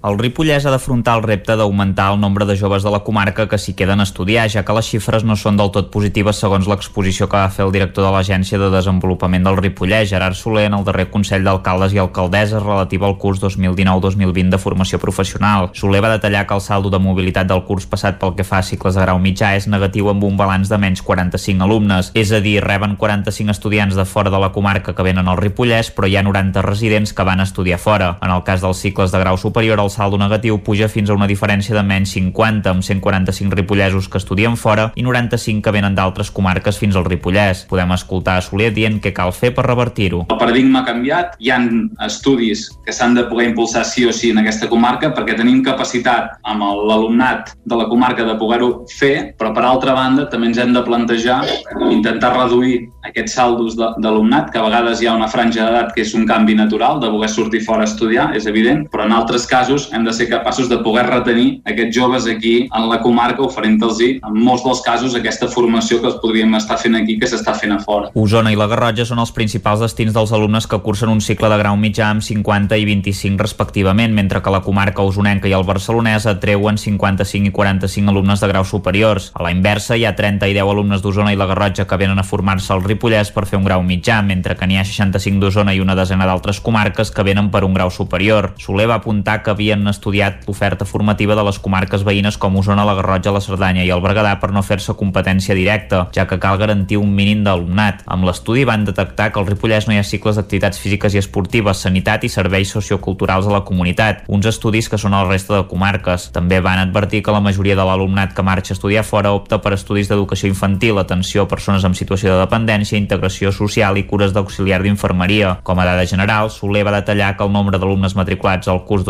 2019-2020 al Ripollès era de 138 pels cicles de grau mitjà i de 123 pels de grau superior. En ambdós casos són estudis totalment masculinitzats amb un 80 i un 87% d'homes. A principis de la dècada passada les dones havien arribat al 30%, però han perdut pes amb el temps. Només en la família professional d'administració i gestió les dones són majoria. En canvi, en electricitat i electrònica hi ha un 100% d'homes matriculats. L'Auditori Teatre de Call d'Atenes va acollir ahir la plataforma per una plana viva. Es tracta d'una plataforma que fa anys ja havia funcionat a Osona i que ara recupera amb un objectiu, oferir una visió més àmplia del territori. Hi van intervenir membres del grup de defensa del Ter de Justícia Alimentària i del col·lectiu Adoberies Nom. Ara sumen esforços per preservar el futur de la comarca. Gil R és membre d'Adoberies Nom. És una llavor, venim a, a plantar una llavor, tot un seguit de col·lectius de la comarca d'Osona, concretament de la Plana de Vic, i l'objectiu, no, Xevi, és eh, protegir aquest territori, protegir el seu paisatge, protegir els seus poblets, protegir els camps de conreu, la terra fèrtil, no, la seva mobilitat i que perduri el màxim de temps possible. La proposta de creixements urbanístics d'alguns ajuntaments o la projecció de nous polígons i parcs solars han precipitat la recuperació del projecte. Xevi Crozes és membre del grup de defensa del Ter. L'urbanisme fa que eh, i el model de finançament dels ajuntaments fa que els pobles vagin creixent. I no només van creixent sinó que van creixent amb un model dispers de casetes en què fa impossible la compra a peu els petits comerç van tancant molts pobles i barris al mig estan buits. Per això demanem que els poums creixin cap endintre que els pobles creixin endintre no cap a fora i que preservem la terra agrícola que és el que dona caràcter en aquesta comarca i volem que segueixi sent agrícola perquè ens ofereix molts valors D'entrada es marquen una desena de punts genèrics. Els començaran a treballar aquesta primavera en quatre jornades que ja tenen previstes per reflexionar-hi. Serà el punt de partida de l'entitat que reneix amb la voluntat d'abraçar entitats i empreses del sector social interessades en el projecte. L'Ajuntament de Sant Feliu de Codines renova i canvia la sorra de la plaça Josep Humbert Ventura i de la plaça Doctor Miquel Vila, coneguda com la plaça Petita. Caral Campàs, des d'Ona Codinenca. La sorra d'aquestes dues places es renova segons les inclemències meteorològiques com el vent i la pluja afecten aquests dos espais. Habitualment s'aprofitaven els actes previstos on ja estava contemplat que hi hagués moviment de terra per reomplir la sorra. En parlava en aquest sentit Manel Vila, regidor d'Espais Públics. s'aprofitava quan s'hi fa algun acte que ja s'hi porta sorra, com pot ser, per exemple, a la plaça Petita eh, per Sant Antoni, que s'hi fa el foc i ja s'hi posa sorra i després ja, ja es reomple, o a la gran, a l'estiu que s'hi feia el futbol platja o el pàdel platja, com que ja hi portàvem sorra ja aprofitàvem i n'hi posàvem. Aquest any, com que no hi ha hagut tots aquests actes, quan hem cregut que n'hi faltava, n'hi hem afegit. L'operació s'ha fet a través d'una empresa del poble externa a l'Ajuntament perquè la brigada municipal no compta amb la maquinària necessària per realitzar la tasca. Vila parla del cost de l'operació. Eh, Exacte no, però més o menys pel el que sabem dels altres anys que ens costa quan, quan ho fem, s'anirà a 1.500, 2.000 euros. La sorra s'ha canviat recentment, tot i que fa un parell de mesos que s'hauria d'haver posat. El motiu és que s'han esperat a tenir una rampa que hi havia prevista a la plaça Doctor Miquel Vila, que s'ha col·locat per fer més accessible l'espai, tant per la gent amb mobilitat reduïda com per facilitar-ne l'accés als dissabtes de mercat. El Carnaval de Torelló ha estrenat la websèrie La llegenda del Falatell. Es tracta d'una proposta que vol potenciar la part cultural d'aquesta festa que aquest any s'ha hagut de suspendre per la pandèmia. La websèrie es va començar a rodar a principis de gener i aquests dies s'estan gravant les últimes escenes. L'objectiu és explicar l'inici de la llegenda del Carnaval de Torelló, com es va forjar el Falatell i el poder que té la vara de reconèixer els descendents d'un rei carnestoltes. Aquest dijous es va poder dur a terme una de les escenes que implicava reunir més figurants i que s'havia posposat seguint les indicacions del Procicat. Eduard Pujol és un dels directors de la websèrie.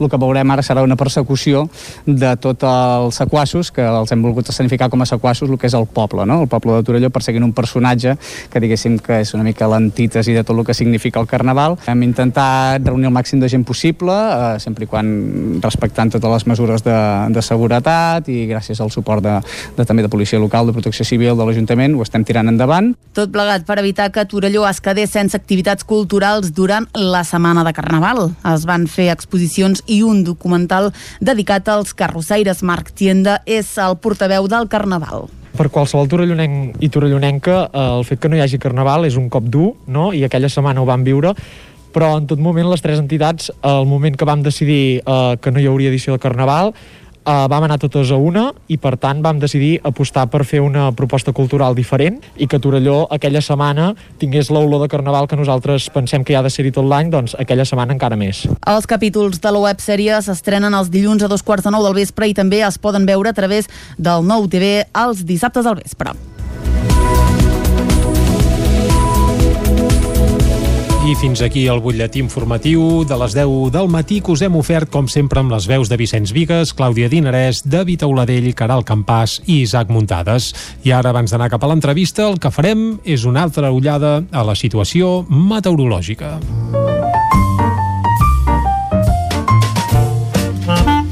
Casa Terradellos us ofereix el temps. I, evidentment, aquesta ullada la fem de la mà d'en Pep Acosta, qui ja saludem de nou. Bon dia, Pep. Molt bon dia a tothom. Molt bon Ens dia. llevem amb unes temperatures baixes, amb, gla- amb glaçades, i amb força sol. Hi ha molt de sol, molts pocs núvols, serà la tònica general del dia d'avui, a excepció del Pirineu, perquè tenim una petita de vents de nord, eh, un vent que, que, atenció, pot bufar bastant fort a les zones més altes del Pirineu, Mm, no serà cap temporal de vent, però sí que bufarà fort en els cims. I aquest vent de nord eh, portarà nuvolositat cap a la zona del Pirineu. No sense pluja, eh? No, ni pluja ni neu avui, no, no es preveuen precipitacions, però sí que força, força núvols cap a les zones més altes del Pirineu. Aquesta circulació de vent de nord, eh, de tramuntana i de mestral, també fa que creixin algunes nuvolades cap a la costa central. Uh, però bueno, poden afectar una mica el peritoral, però no és una condició ideal ideal perquè, perquè es produeixin perquè es produeixi aquest fenomen durant aquests dies, eh? no, no, no, no es preveu no es preveu aquesta, uh, aquestes nuvolades a la zona del prelitoral. Eh? Sobretot avui, com deia, hi haurà núvols, núvols a la zona del Pirineu.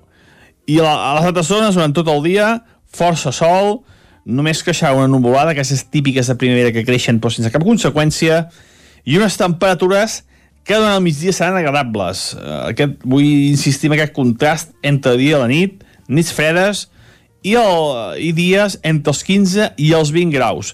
Fins i tot en alguna zona del prelitoral es poden superar aquests 20 graus. Per tant, les temperatures molt, molt agradables, molt suaus al migdia. Aquesta situació serà la tònica predominant un o dos dies més. A partir de dimecres podem tenir precipitacions, neu a cotes relativament baixes i bastant vent. Uh, veurem com s'acaba configurant tot plegat, però l'última setmana d'hivern és força interessant climatològicament parlant.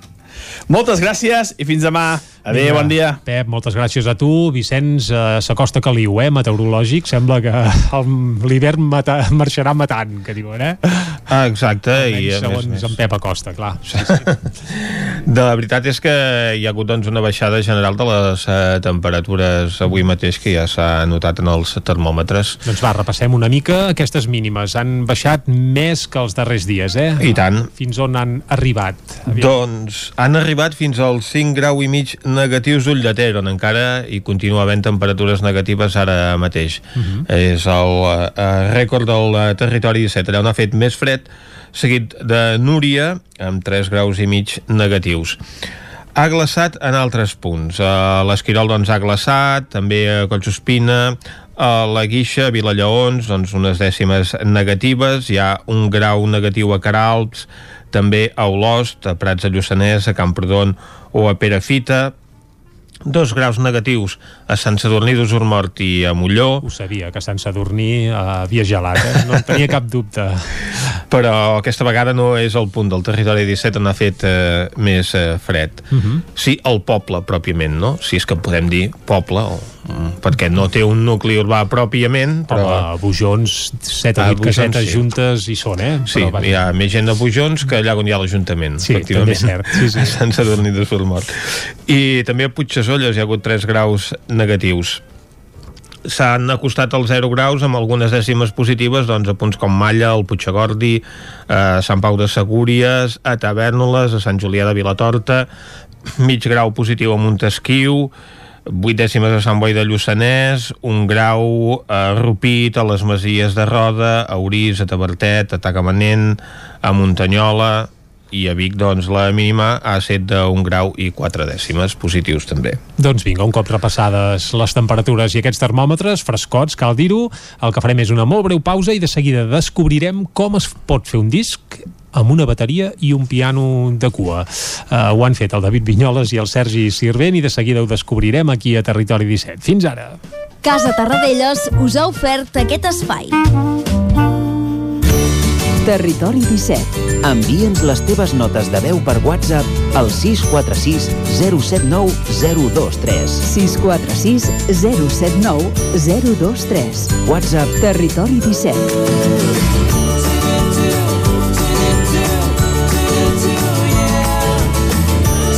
Territori 17. Som a Facebook, Twitter i Instagram amb l'usuari Territori 17.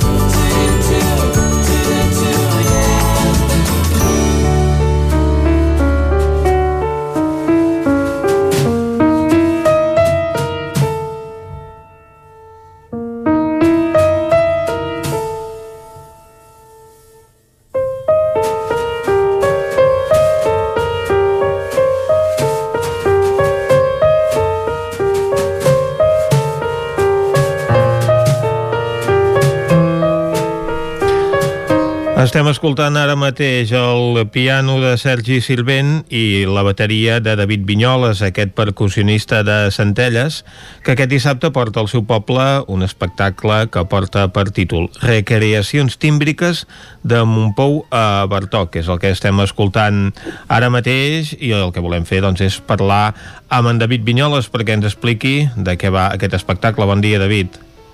Hola, molt bon dia. Com va sorgir, David, aquest eh, projecte de barrejar música clàssica amb percussió? Mira, aquest projecte va sortir mm, el 2019, ara em feies pensar, perquè amb aquest any de pandèmia... És un any perdut, eh? Exacte. Va sortir a, a principis de 2019 amb, amb el Sergi, que ja pues, això ens coneixíem de, de, de feia anys, i sempre havíem tingut algú d'engegar algú conjunt, Sou coetanis també, no? Exacte. I, I mira, per aquelles coses, eh, Montpou ens va connectar molt, no? Bueno, a part del jazz, perquè els dos doncs, venim de, de, del món del jazz, no? Principalment. I, I, bueno, allò, Montpou ens va com connectar molt eh, a tots dos i, bueno, doncs ens vam quedar per, per, per tocar una mica de, de Montpou, no? I, I la veritat és que ens vam com trobar molt còmodes, vam veure allà que hi havia un material super interessant per, per, per treballar i per investigar i per, per portar-lo al nostre terreny i, i ens hi vam posar, així, així es va començar una mica aquesta, aquesta aventura, no? Uh -huh. I portar-lo al vostre terreny vol dir que aquest és un espectacle d'improvisació? Diguem que la improvisació forma part de, de l'espectacle perquè venim doncs, de, de, del món del jazz, no? i l'improvisació doncs, en el jazz és, té, un paper, diguem que és un dels papers claus de de- d'aquesta música, no? Hi ha improvisació, però no, diguem que està tractada de de- d'una manera diferent, no és el típic... Eh, no hem agafat Montpou i Bartók no? com podríem fer amb un estàndard de jazz, no? que moltes vegades doncs, és exposició del tema, solos, exposició del tema i final, no? Um, aquí doncs hem agafat això, obra de Montpou, obra de Bartók, alguna creació original tant del Sergi com meva, Uh -huh. i hem anat a, a, a buscar, a investigar, a poder treballar aquestes obres sempre amb un absolut respecte cap als dos autors, perquè realment són dos autors els que, els que tenim estima i, i admiració, no? tant el Sergi com jo, i a partir d'aquí doncs, portar-lo al nostre terreny. No? El primer que hem hagut de fer ha estat incorporar una bateria a unes partitures pensades per a piano sol, en aquest cas, no? Llavors aquí comença un treball de, per part meva i, i també per part del Sergi, evidentment, eh, doncs a l'hora de eh, posar una bateria en, en aquests temes de manera que eh, l'obra original no perdi la seva essència, no? I llavors, doncs, sí que doncs, també hem aprofitat per obrir algunes parts, alguns temes a, a la improvisació, no? Llavors, mm, doncs sí, sí que té un pes la improvisació, però no és mm, probablement el, el pilar principal de, de tot l'espectacle. Uh -huh. Perquè aquesta aproximació la feu eh, treballant junts o cadascú doncs, ho, ho fa pel, pel seu cantó i llavors posa en comú allò que hi ha trobat a partir de la lectura d'aquestes composicions? Mira, um, clar, el primer dia uh, que ens vam trobar, no vam dir, vale, doncs mira, agafem aquestes músiques callades, tal, tal, vam, sí que el primer dia vam mirar, vam tocar algunes, algunes, algunes peces de la música callada de Montpou i alguna d'impressions íntimes, també d'un altre quadern de Montpou, i vam dir, va, doncs, jo què sé, triguem això per, perquè, per no anar despullats i no saber què fer, diguem, el primer dia, no? I llavors, a partir d'allà, vam començar a posar en comú moltes coses i hi ha moltes coses que són treballades en comú, però al mateix temps també hi ha una investigació eh, personal, no? de, tant de recerca i de coneixement de, coneixement de l'obra, sobretot per part meva, que jo doncs, no havia tocat mai Montpou, Sergi sí, Uh -huh. i de, doncs, eh, a partir d'aquí portar-nos-ho cap al nostre terreny. Ha fet un, un, una mica un, un mig i mig, diguem, no? però sí que hi ha hagut doncs, un treball mm, de posar-ho de posar moltes coses en comú, de debatre, de provar, de descartar, etc etc. no? Uh, David, uh, voldríem parlar també de directes, perquè clar, la pandèmia us ha afectat i molt a l'hora de portar aquest espectacle dalt dels escenaris. Això va néixer abans del coronavirus, això és cert, però durant tot aquest Correcte. any de bolo suposo que ben pocs. Jo només recordo que sí que vau poder fer una presentació al Festival de Jazz de Vic, que al final a la tardor es va poder dur a terme. Correcte. Però m'imagino que des de llavors això no ha tornat a sonar en directe, o sí? No, no, no, no, no ha No, tornat eh? a sonar en directe, efectivament, perquè després, doncs, teníem, mm, diguem que de moment és l'únic concert que hem pogut rescatar de 2020. Teníem altres coses que, que, que de moment no s'han pogut recol·locar, esperem que en aquest 2021 es puguin recol·locar i que en surtin més. De fet, estem, estem treballant en, en això, tot i que està sent mm, complicat perquè doncs, encara estem en un punt delicat en què mm, doncs, la gent està com molt alerta i costa molt doncs, que, que, que es signin contractes. No? Mm. I llavors doncs, sí, vam tenir la sort que la gent del Festival de Vic eh, van comptar amb nosaltres l'octubre i vam poder fer la presentació dels, dels, dels dos volums. I després teníem aquest de Centelles, que també s'havia d'haver fet eh, a l'hivern passat, i doncs s'ha recol·locat ara aquest, aquest dissabte. I la veritat és que eh, estem molt contents i, i ve molt de gust presentar-lo a casa, no? Ara has citat aquests dos volums, eh? no ho hem dit, però clar, aquests recreacions tímbriques va néixer ja fa dos anys llargs amb un primer volum, eh, amb el dubte de si tindria continuïtat o no, perquè l'experiment, la veritat és que, David, no és gaire habitual, eh? això de treure un disc només de piano i bateria, i bé, cal dir que al cap d'un any en va venir un segon de volum, per tant, intuïm que Sí. la rebuda va ser bona i que la cosa ha relat, eh? tot i que ha costat de dur a dalt dels escenaris per qüestions, Sí. evidentment, que no, que no depenen de la vostra voluntat, sinó bàsicament d'un No, virus, però la, la cosa, diguem, que ha relat i que, que tira. Sí, sí, sí. A veure, primer, dins del món del jazz, discos a duo de, de piano i bateria no és una cosa tan tan estranya, tampoc no ens hem inventat tot Home, per sí, no, no, sou els, no sou els pioners, però home, això de portar uh, pianistes o autors i compositors clàssics al terreny del jazz amb un duet de bateria i piano, això sí que és força, força innovador, eh? Sí, no s'ha fet, no s'ha fet massa, no s'ha fet massa. Tot i que sí que hi ha un, diguem, dins de, hi ha corrents jazzístiques més de caire europeu, no tan americanes, que sí que treballen més aquest tipus de, de repertori, però sí que, diguem que per casa nostra mm, no és, no és una, una proposta que, que es vegi molt, efectivament. I després, pel que deies, doncs sí, mm, han acabat sent dos volums, perquè la veritat és que teníem doncs, força repertori treballat i quan vam enregistrar el primer volum, doncs evidentment no ens hi va cabre tot i teníem aquella espineta de dir, home, uh, estaria bé gravar-lo no? I vam estar molt de sort perquè el segon volum el vam enregistrar just vam fer la sessió de gravació el 4 de març del 2020 i el, i el 13 ens tancaven a tots. Sí, sí, quatre estar dies allà més i, i i, sense. i no l'hagués- no l'haguéssim pogut enregistrar i després doncs durant, durant el confinament doncs, ens va permetre doncs, poder-lo mesclar treballant amb, amb enginyer de so doncs, uh, uh, online, enviant coses i mira, també va ser una manera doncs, de poder avançar la feina en aquest segon volum durant el confinament. No? I ara hi haurà un tercer volum també? De moment no ens ho hem plantejat. Ara el que ens ve molt de gust és eh, poder-ho presentar en directe i poder-ho tocar i, i portar aquesta música a com més racons del món millor, perquè la veritat és que eh, els cops que, que ho hem pogut mm, tocar en directe, no?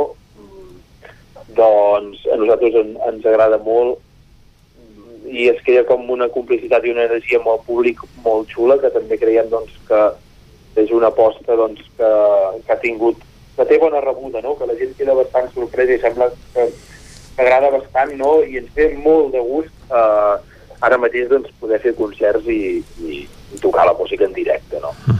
En David Vinyoles l'hem escoltat moltes vegades al nostre programa com a col·laborador de la secció de Trenc d'Alba, però David, tu ara ets un, un d'aquests eh, usuaris que ha deixat d'utilitzar el transport públic per fer teletreball, no? Avui, eh, el punt avui s'hi refereix a la seva portada, que ha caigut al 60% l'ús del transport públic arran de la pandèmia i tu n'ets un d'ells, no?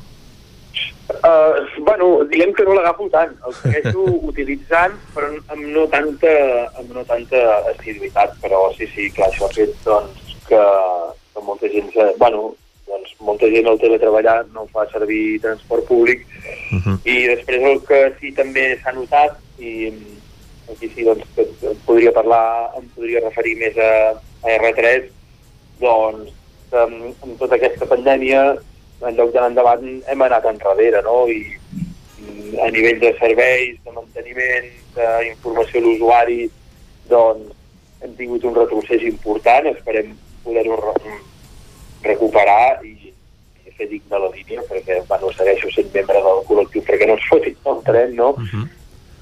perquè realment doncs és això, no? Llavors eh, a les èpoques doncs, difícils, diguem, del confinament les mesures de seguretat del transport públic eh, diguem que eren i no eren no? Se'ns acaba el I això temps, també ha- David. I això també ha fet... vale, Se'ns acaba el temps, hem de deixar-ho aquí. Re recordant això, dissabte 20 de març, recreacions tímpiques de Montpou a Bartoc, en Sergi Cerveni i David Vinyoles, al casal Francesc Macià de Centelles, a dos quarts de nou del vespre. Gràcies, David. Gràcies a vosaltres.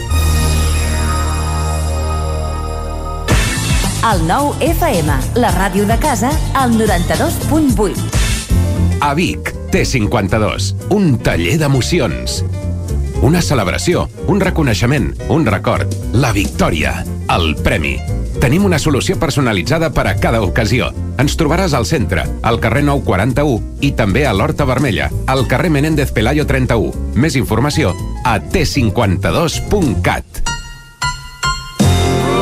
Passema, comercial de maquinària i utillatges amb més de 50 anys al vostre servei. Visiteu la nostra botiga i trobareu productes de gran qualitat. Passema, som al polígon Sot dels Pradals, al carrer Cervera 10 de Vic. Telèfon 93 885 32 51. Passema us desitja un bon mercat del ram. Els dies 25 i 26 de març se celebren les eleccions agràries. Les votacions seran únicament pel sistema de votació electrònica. Pots votar remotament amb l'IDCAT certificat, el DNI electrònic, altres certificats reconeguts o amb el sistema de reconeixement biomètric. També pots votar de manera presencial amb el DNI des de qualsevol dels punts d'assistència al vot electrònic. Tots els punts comptaran amb les mesures sanitàries necessàries per garantir la teva salut i la de tothom. Més informació a agricultura.gencat.cat. Generalitat de Catalunya. Cocodril Club. Si t'agrada la bona música dels anys 60, 70 i 80, escolta el 9 FM als matins de dissabtes i diumenges d'11 a 1. És el temps del Cocodril Club, tot un clàssic de la ràdio, amb les bases del pop-rock, les llegendes, les cançons que s'han convertit en autèntics himnes. Recorda, dissabtes i diumenges al matí, d'11 a 1, al 9 FM 92.8. Cocodril Club, el programa revival de l'Albert Malla. Hasta luego, cocodrilo. A Montse Estètic Vic celebrem dos anys. Tant si ets client nostre com si ens acabes de conèixer, gaudiràs de descomptes i promocions tot el mes de març. Aconsegueix un 2 per 1 en la depilació làser al portar un amic o amiga i enamora't gratuïtament de la presoteràpia mentre et fem un tractament facial. Cuida't més que mai. Ara amb el 20% de descompte en tots els productes. Vine a Montse Estètic i mima't. Ens trobaràs a l'Avinguda Pius 12, número 26 de Vic. Al telèfon 672 1704 23 i a la web montsestètic.com. Hi ha sensacions que són úniques. Aquell bany relaxant, mirar per la finestra quan plou i com les calderes Bailand, que li ofereixen fins a 15 anys de cobertura total amb el servei tècnic oficial Bailand. Informis a Oficiat Nord trucant al 93 886 0040. Amb el servei tècnic oficial de Bailan, la seva caldera estarà en les millors mans.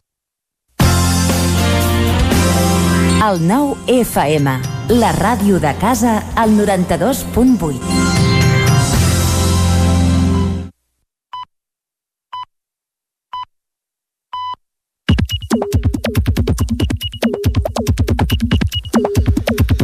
Són dos quarts onze i ja tenim a punt l'Isaac Moreno perquè ens faci un recull dels tuits que ha trobat aquests últims dies, Isaac. Bon dia.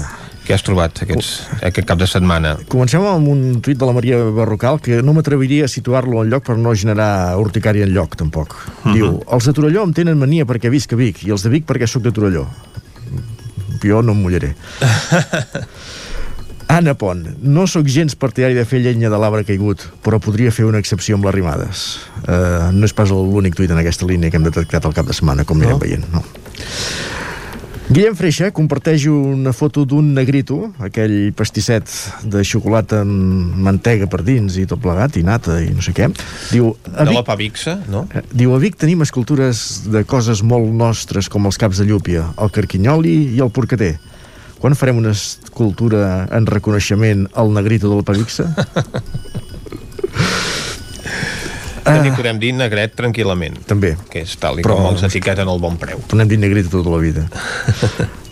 Uh, Joan Comer Roura diu ahir vaig cometre l'error de dir aula d'acollida ah, no, perdó, aquest és, és la seqüela, perdó de, de, de la polèmica del cap de setmana de... i quina és la polèmica del cap de setmana? doncs en Joan Coma piolava divendres ara estic anant molt enrere al seu timeline i no és fàcil perquè piola molt piola molt aquest home, sí, sí Diu, deia, ahir abans d'entrar a classe avui abans d'entrar a classe m'he trobat a un conegut quan li he dit que anava a fer castellà a l'aula d'acollida m'ha dit un de la CUP ensenyant castellà. Sembla una parida però em pregunto d'on li ha vingut tanta sorpresa. Mai he sentit cap copaire oposar-se al saber i això doncs, va generar molt, molta resposta eh, sorprenentment també a, a Twitter i l'endemà es manava i deia ahir vaig cometre l'error de dir aula d'acollida quan em referia a dos alumnes a qui faig atenció individualitzada. A l'aula d'acollida només hi fem català. També us diré que tots els insults que he rebut no crec que facin cap favor al català ni a cap causa. Alguns esteu taradíssims. Doncs vaja com deia una de les polèmiques del cap de setmana Pep Carol també piolava, respectar totes les llengües i estimar i fer respectar la teva. Així de fàcil, doncs una mica vindria a ser això. Uh -huh. Gemma Humet, fer cançons noves, flipar-te a nivell 10 i pensar que tot just estàs començant la gira del disc que, que és nou per tothom però que ja és vell per tu i que hauràs d'esperar uns dos anys per cantar el que sents ara. Visca la contradicció, diu, així és la vida de l'etiqueta. Bé, és la vida del creador, efectivament, i això passa amb moltes arts. Jordi Vilarrodà, també és allò que dèiem de l'arbre caigut, sempre he estat dels que s'alegren més de les victòries del Barça que de les derrotes del Madrid, però veure la descomposició de Ciutadans en directe em produeix un somriure, que bé la que us digui. El partit que va néixer del no, camí del no res, diu. Ho equipararíem a derrota del Madrid, no? Mm, vindria a ser això. Jordi Fàbrega, quin plaer passejar pel bosc i que la natura ens regali les primeres múrgoles. Si la cuidem tindrem retorn, si no, les futures generacions no en trobaran uh, Francesc Codina, i hi ha avui, com ahir, dues maneres de presentar l'acció política. Alguns partits pensen que és rendible electoralment escenificar-la com un pugilat, com un intercanvi de cops, apel·len al ventre, i n'hi ha altres que es decanten per presentar-la com un debat, apel·len al cap. Uh, més qüestions. Marc Casas veig a les claques i els dobermans de partits molt esbarats. Mentrestant, el poble. Bon, bon dia, l'etiqueta.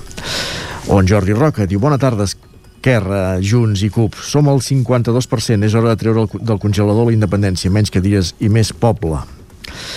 També... Potser primer que constitueixin el govern, no? Potser, però ell ja... Ell ja va per feina. Exacte. Uh, també va haver-hi cert linxament aquest diumenge uh, el periodista Quico Sallés per haver dit que, per haver, dit per, el, el per haver fet uns comentaris sobre sí, l'entrevista a preguntes Quim, freqüents al president Quim Torra. Bàsicament va dir que jo si fos Quim Torra esborraria del meu currículum que està president de la Generalitat, ras i curt. Rutes Puny, tot és llibertat d'expressió fins que en Quico Sallés diu el que pensa en un programa que en principi pots decidir si mirar o no. Està, tot, està quedant maco tot plegat. Canviant de qüestió, Ignasi Camps Cuiner, ja comencem el ball per la setmana que ve amb lo tranquils que estàvem. Reserves, anul·lacions, que si tenim menú de 15 euros, que si estem ventilats, que si som sis i no volem taules separades i anulen, algú els agafarà, que si som vegans, vegetarians sense gluten, això només avui. Ventilats ells no sé si ho estan, alguns hiperventilats eh, podem assegurar que sí. déu nhi I acabem amb el tema Ciutadans. Diegues, Josep Maria Diegues, Ciutadans va néixer per anar contra la normalització lingüística, encara que de manera negativa només té sentit en la política catalana. A diferència de Vox, que hi era sense ser-hi, i un xic UP, no tenen lloc en l'ecosistema polític espanyol, on PP i PSOE ocupen quasi tot l'espai. Sí, et sembla, Isaac, fem ara una ullada a les portades del 99.cat. Doncs ràpidament, que reguem la portada verda, la del 99 del Vallès Oriental, que a hores d'ara titula Adif Lliure Granollers, el projecte bàsic per cobrir les vies entre Josep Humbert i Vinyamata, col·lapse de trànsit a l'AP7 i la C-17 per un accident entre dos camions a Santa Perpètua, un motorista mor en un xoc amb un camió a la C-17 a Parets i més de 200 treballadors de bosc es manifesten a Barcelona contra el tancament de la planta de Lliçà damunt. Ara sí, carreguem ràpidament la portada vermella, la de l'edició d'Osona i el Ripollès del 99.cat, que diu, trobem primer de tot la crònica Innovació i Capital Humà, Matlleu alerta d'un nou tipus de robotori a persones grans que viuen soles, Núria i Vallter confien en la reobertura comarcal i inverteixen 168.000 euros a Osona per evitar l'electrocució o electrocució d'ocells. Molt bé, doncs moltes gràcies, Isaac. Que bon dia. Anem nosaltres ara a la taula de redacció. Territori 17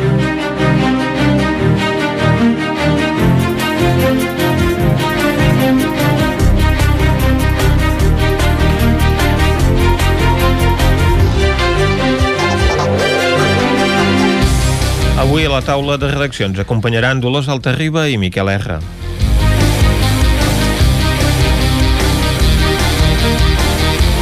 Comencem, a Dolors, parlant de l'ampliació de l'empresa Onera Laundry de Sant Julià de Vilatorta. Doncs sí, és una inversió que, que l'empresa ha fet en els darrers eh, un any, any i mig, probablement. Va, ha invertit uns 3 milions i ha ampliat amb 4.000 metres quadrats i ara en té doncs, 12.000. Eh, és una empresa aquesta, Onera Laundry, que, que forma part d'un grup d'Onera Group, que és un grup basc, de, uh -huh. que ja tenen nou plantes a diferents, entre, inclòs aquesta, a diferents llocs del món, i que el que fan és, és eh, produir rentadores, secadores i, i planxadores industrials. Uh -huh. eh, és, eh, és una empresa que està, que està a Sant Julià des de que va, perquè el que, aquesta empresa, diguem-ne, era, eh, és l'hereva d'una empresa que es deia Taller de Roca de Vic, uh -huh. ja tenia una marca de producció de rentadores, uh -huh. la Domus, i, i bé, se la va quedar aquest, eh, aquest grup i llavors es van traslladar a Sant Julià, primer amb una nau més petita i que han anat amb diferents, fet diferents ampliacions i l'última, doncs aquesta. Uh -huh. I, i bé, això els, els permet tenir doncs, un espai molt més, uh, molt més gran, amb un magatzem també uh, més eficient i, i, i en principi bueno, eh, van com moltes empreses no ara que es fan els plans es fan els plans de, de, d'estratègics, diguem-ne, de 4 anys en 4 anys, doncs, doncs van fent, però, però és veritat que és un, és un grup que, que, per exemple, ara té previst eh, fer una, una planta nova, una altra planta, eh, d'uns mil metres quadrats eh, a Huipusca, a Oñati, eh, Uh -huh. al País Basc, eh, on ja n'hi tenen i també doncs, entrar una de nova. Vol dir que està clar que és un, és un grup que, que va creixent. Uh -huh. eh, ells comenten que realment el 2020 no ha estat un any, és clar, no ha estat un any bo per ningú, això d'entrada, i, i ells tampoc, perquè en part ells també se, tenen molt, molt client del sector turístic, diguem-ne, no? Uh -huh. Llavors això tampoc eh, els ha anat bé, els ha fet, els ha fet baixar la, diguem-ne, la facturació com a grup, però eh, com que ells creuen que el fet de poder, poder diversificar com han pogut fer i, i també de tenir eh, com, com una cosa innovadora, un tipus de, de maquinària que, com si diguéssim, com amb dues portes que no barregin les, la roba, diguem-ne, la, la, la, la, la, la que entra i la que surt neta, no? i que doncs això els fa molt bé per, per aquest tipus de bugaderies, sobretot d'hospitals i residències en aquest moment, eh, que, que, que hi ha tota aquesta problemàtica amb el tema del, del virus i la pandèmia, no? Uh -huh. Perquè estaria, estaríem parlant d'un competidor de Girbau que està passant per dificultats ara mateix? Sí, sí, sí, sí, sí. Sí, sí, és un, és, és probablement aquí a Espanya deu ser el, el eh, són les dues empreses segurament més, més importants en aquest, en aquest sector. Sí, sí. Uh I, i, i bé, totes dues són aquí de- d'alguna manera, una per, naix, per naixença, diguem-ne, no? I, i l'altra no, però en fi, ja, també ja fa molts anys, per tant, totes dues en planta aquí. Sí, sí, són, són, són del, del mateix sector. Però sembla que, que, que, que, doncs, que, poden, que poden anar tirant i que i, i bé, pensen que aquest any també probablement doncs, doncs serà, serà millor que l'any passat, no? Uh -huh. Això és el que, en el que confia, en el que confia tothom, no? Però sí, sí, és una empresa d'aquest sector que també en els últims temps és, és una empresa que ha pogut anar eh, contractant, ara té al voltant de 116 treballadors, i, i en els últims temps sí que, per exemple, doncs, eh, ha pogut contractar gent que alguns, per exemple, sortits de General Cable, no?, o de altres empreses, eh, sobretot General Cable, que és la, la General Cable, l'antiga, la Prysmian, que després, al tancar, doncs uh -huh. això va fer que molta gent d'aquest sector pogués anar amb, amb altres empreses del sector i aquesta, per exemple, era una de les que eh, hi van anar per alguns treballadors. Uh -huh. Molt bé, doncs, eh, moltes gràcies, Dolors. Uh, bon dia. Bon dia. Nosaltres ara anem a parlar amb en Miquel R sobre el banc de llavors de Roda.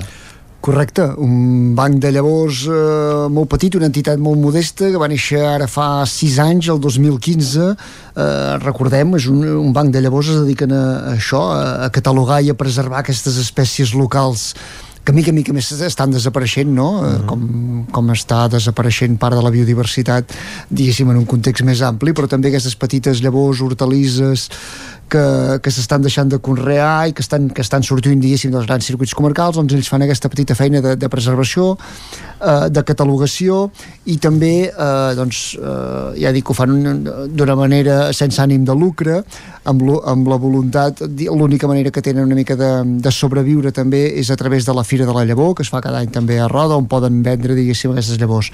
Fins ara ho feien d'una manera una mica precària, eh, per exemple, durant els mesos d'hivern es veien obligats doncs, que gairebé doncs, eh, exportar aquestes, els planters que, que fan créixer el Maresme perquè hi fa massa fred, o bé conrear-ho amb cada un si tenia petits horts de casa seva.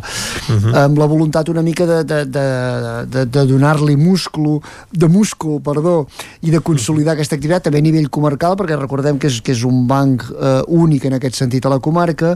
Des del mateix Ajuntament de Roda eh, ja han aprovat ja una partida en el pressupost d'aquest any d'11.000 euros per construir un hivernacle que es construirà a l'entorn mateix de la, de la muntanyeta, no? allà a l'entrada de Roda, una mica uh -huh. aquest sector que s'està convertint una mica en un petit pulmó verd del municipi, fa uns anys ja hi va haver-hi una plantació d'arbres uh -huh. al costat hi ha els horts socials doncs ara hi haurà també l'hivernacle del Banc de Llavors i a més a més se'ls hi deixa un, tot un, un, diguéssim, un solar on també hi podran fer aquesta, on hi podran conrear també totes aquestes espècies. Uh -huh.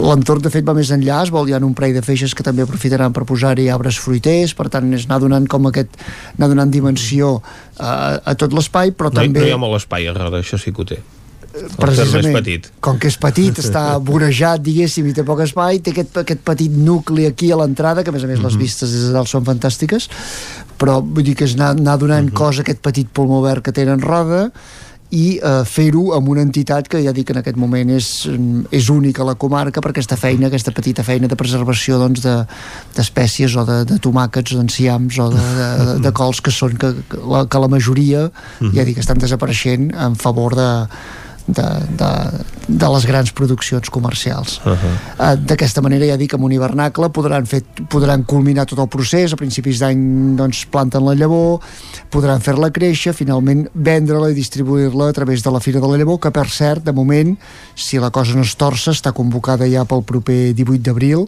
que serà la novena edició ja d'aquesta Fira de la Llavor a Roda de Ter. Uh -huh. Per tant, uh, aquesta fira que en principi tirarà endavant d'aquí un mes aproximadament. Correcte. Doncs esperem que així sigui, que no hi hagi impediments. Moltes gràcies, Miquel. Nosaltres tanquem ara la taula de redacció. Territori 17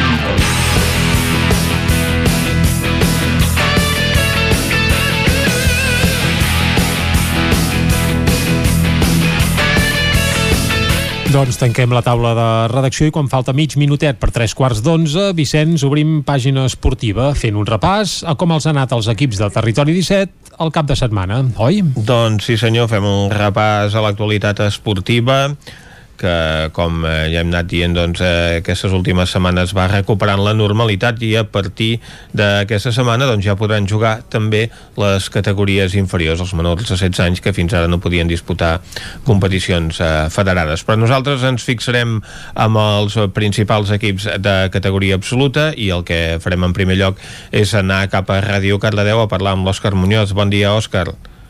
Bon dia. Explica'ns els resultats més destacats aquest cap de setmana. Doncs comencem el repàs esportiu aquí a Cardedeu amb l'handbol, on aquest cap de setmana teníem, dos, teníem doble partit contra el Granollers. Uh -huh. El partit de dissabte, el municipal de Cardedeu, no va anar molt bé i van acabar amb una derrota per 25 a 29. Uh -huh. El partit més igualat va arribar diumenge amb la victòria del, del, de Cardedeu al Palau d'Esport de Granollers per 21 a 22 si fem la global, doncs sí que és veritat que el Granollers doncs, ha arribat a fer més gols, però bueno, hem, partit perdut, partit hem guanyat, uh mhm. -huh. partit més o menys cap de setmana estable del, una mica de tot del club amb vol Caradeu, exacte també teníem tenis taula eh, perquè recordem que va ser seu durant tot aquest cap de setmana de, de campionat de Lliga de tenis taula a Cardedeu uh mhm. -huh. i eh, jugaven contra el Castell de Fels i doncs van a les 5 de la tarda i van acabar amb derrota Castelldefels eh, per 3 a 7 a 1 del Club Tenis Taula Cardedeu. El partit de, de futbol que teníem a Granollers ara, eh, que jugaven a casa contra el Sant Andreu, el rival directe per l'ascens, va acabar amb una derrota també per 1 a 2 quan fal falten dues jornades per acabar la fase regular. Els de Granollers doncs, segueixen buscant la victòria per assegurar acabar entre els sis primers classificats i per evitar doncs, disputar la promoció de, de permanència. Uh -huh. I, I per acabar eh, tenim un partit també a Granollers dimecres els nois del Franquín Granollers després de jugar a la Copa del Rei tenien un petit descans i to, doncs, tornaran dimecres a les 8 del vespre a Cantàbria contra l'Iberbank Cantària sin fin. Això seria dimecres a les 8 del vespre. Uh -huh. Doncs moltes gràcies, Òscar. A vosaltres. Ara nosaltres anem cap a una codinenca on ens espera la Caral Campàs. Bon dia, Caralt. Bon dia, doncs sí, el rec amb les arcaldes va ser derrotat, com comentàvem, en un dels butlletins pel Barça aquest divendres per 4 a 1 en un partit corresponent a la 23a jornada de l'Hockey Lliga. I a l'Hockey Lliga femenina tenim el Vigas que va empatar a 2 contra el Cerdanyola. D'aquesta manera les ballesans veuen allunyar-se doncs, a Europa perquè l'equip de Ramon Peralta havia de guanyar l'ocupant de l'última plaça continental, però amb aquest empat es manté a la sisena posició a la classificació i a 6 punts del Cerdanyola. El partit, els primers 50 minuts van transcorrer amb un ritme elevat que no va decaure en cap moment, perquè tots dos equips són doncs, militants d'un hoquei okay ràpid i vertical. Borràs va posar per davant el Vigas, però el Cerdanyola va marxar al descans amb avantatge i confiat en tot el que estava fent, el conjunt de Peralta no va canviar res en un segon temps en què el Vigas va tenir alguna ocasió, igualant en transicions, però eh, que es va quedar amb les ganes de guanyar amb aquest empat a dos, com comentàvem. I el Sant Feliu de Codines, que el tenim a segona divisió, va tornar als entrenaments dijous passat, després d'una quarantena, però com comentàvem també divendres, va ajornar el partit que havia de jugar aquest cap de setmana contra el Vilanova i la Geltrú. Per tant, els de Josep Maria Rovira jugaran en principi aquest dissabte vinent contra l'Espanyol a les 6 de la tarda i acumulen fins a tres partits posposats. Molt bé, doncs moltes gràcies, Caral. Tenem nosaltres ara cap a la veu de Sant Joan amb l'Isaac Muntades. Bon dia, Isaac. Bon dia, Vicenç. Isaac, avui és eh, dia de festa grossa per les estacions d'esquí del Ripollès perquè amb la reobertura comarcal doncs ja hi poden anar grups familiars perquè s'ha de desplaçar amb bombolla familiar però hi poden anar grups de tot el país tot i això estava eh, mirant eh, doncs, eh, les imatges d'aquestes mm. estacions i la veritat és que la, la cosa avui està molt parada. Eh? Hi havia més ambient al cap de setmana que no pas avui, que en principi ja hi podria pujar tothom. De Catalunya, sí, de fet, lògicament. Exacte, ara, ara ho has dit. De totes maneres, ja se sap que en aquestes últimes setmanes també s'ha detectat una espècie d'augment de la mobilitat. Segurament potser hi ha algunes persones que també, eh, per què no dir-ho, segurament hi ha algú que s'ho hagi pogut saltar i evidentment hi, hi hagi anat, però bé, a partir d'avui en principi ja s'hi podrà anar eh, de manera legal, per dir-ho d'alguna manera, mm. I, i sí que si voleu podem comentar una mica com estan les estacions eh, avui, eh, com està una mica tot, tot el tema. Per exemple, a Vall de Núria, ara mateix eh, hi ha gruixos de fins a 70 centímetres de neu, entre 30 i 70, per tant, bons gruixos de neu.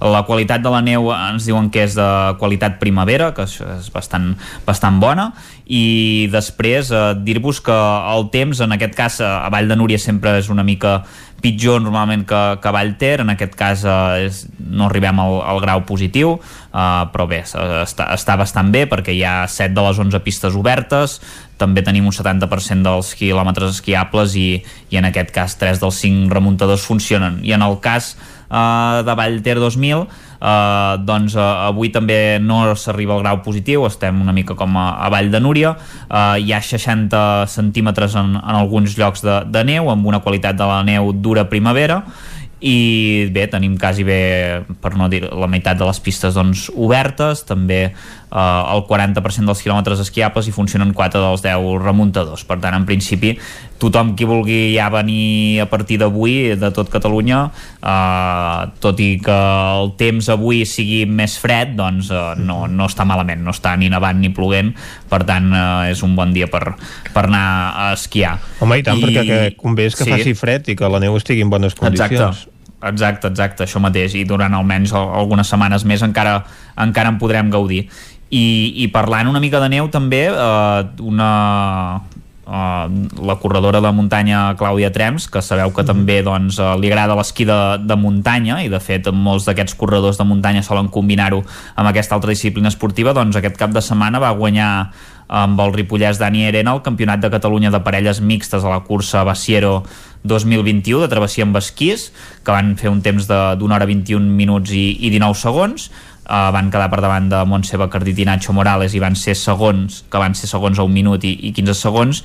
I en aquest cas Sílvia Puigernau i Josep Ferrer doncs, van acabar més de, de 5 minuts. Uh, era la 57a edició d'aquesta prova organitzada per per la Unió, doncs, la UEC de Barcelona i que va transcorrer doncs, pel Parc d'Aigües Tortes i Estany de Sant Maurici i, i la Clàudia doncs, compartia uh, a través del seu Instagram doncs, que potser no havia estat uh, la millor cursa perquè també l'havien uh, retallat i això, però doncs, uh, van aconseguir doncs, ja ho veieu, un bon, un bon resultat ell uh, i el corredor Ripollès uh -huh. I, i res, gaire res més dir-vos que aquest cap de setmana doncs, no vam tenir ok perquè es va suspendre el partit per un positiu de coronavirus a, a l'Hockey Club Ripoll que havia de jugar contra contra el Fulgaroles i que en el cas de l'escola de futbol sala Ripollès, Servicat tampoc no va jugar perquè en el seu cas eh, l'equip amb qui jugava s'havia retirat de la competició i per tant ja li donaven el partit per, per guanyat. Esperem que la setmana que ve amb la tornada del futbol en principi eh, doncs eh, això doncs, torni a, a la normalitat. Ja es van jugar alguns partits amistosos aquest cap de setmana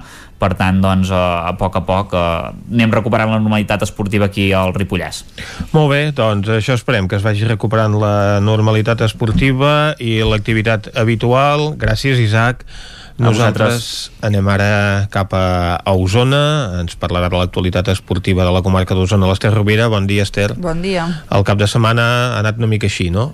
Uh, sí. No massa uh, bé. No, en línies generals hi ha hagut de tot, però, uh mhm. -huh. però bé, sí que és veritat que que n'hi ha que, que són més platòrics uh, uh -huh. uh, si tenim en compte tots, tots els resultats uh, si et sembla comencem per, per l'hoquei Lliga uh -huh. aquest cap de setmana no jugava el, el Taradell perquè el seu uh, partit doncs uh, va, quedar, va quedar pendent uh, ajornat uh, a casa contra el Reus perquè el Reus uh -huh. doncs uh, havien sigut l'últim rival de um, crec que era uh, l'Igualada els que van tenir un, uh -huh. un cas positiu de, de coronavirus, per tant, eh, doncs el protocol marca que ells tampoc podien jugar, i sí que ho han fet el Voltregà i el Vic, el Voltregà que va sumar eh, un punt més eh, en el partit d'ahir a la tarda a casa contra el Girona, va empatar a 3 gols, eh, i hem de dir que van fer una bona segona part, eh, però no van poder passar de l'empat contra, uh -huh. contra el Girona, eh?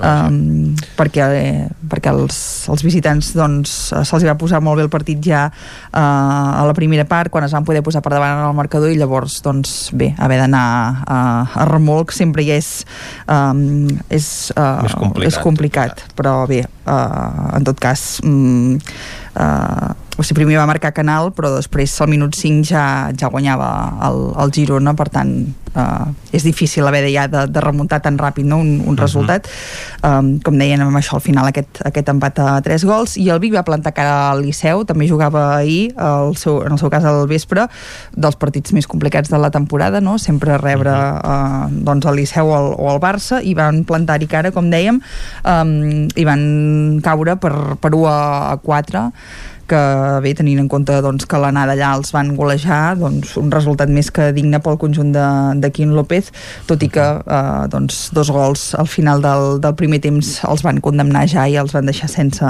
sense opcions.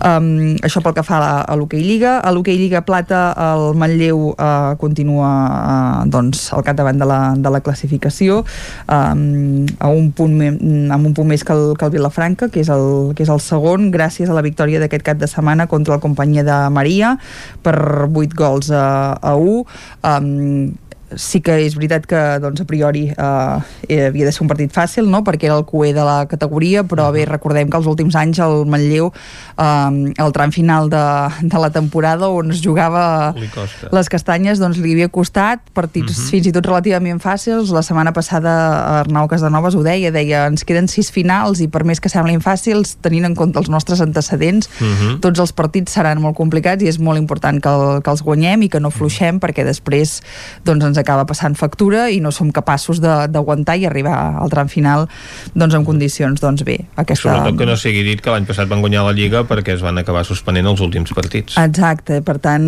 eh, bé, en tot cas, eh, important encara que fos el QE, guanyar a casa Mhm. i, i no, i no, eh, doncs no anar perdent punts no? i, i despenjar-se de la part alta de, de la classificació com altres anys perquè el seu objectiu eh, doncs de fa temps és poder tornar a, a l'hoquei Lliga i per tant de moment hi van, hi van encaminats. Mhm. En el cas de l'hoquei Lliga femenina, mm, nova derrota del, del Voltregà que continua sense aixecar cap en aquesta segona fase de la competició.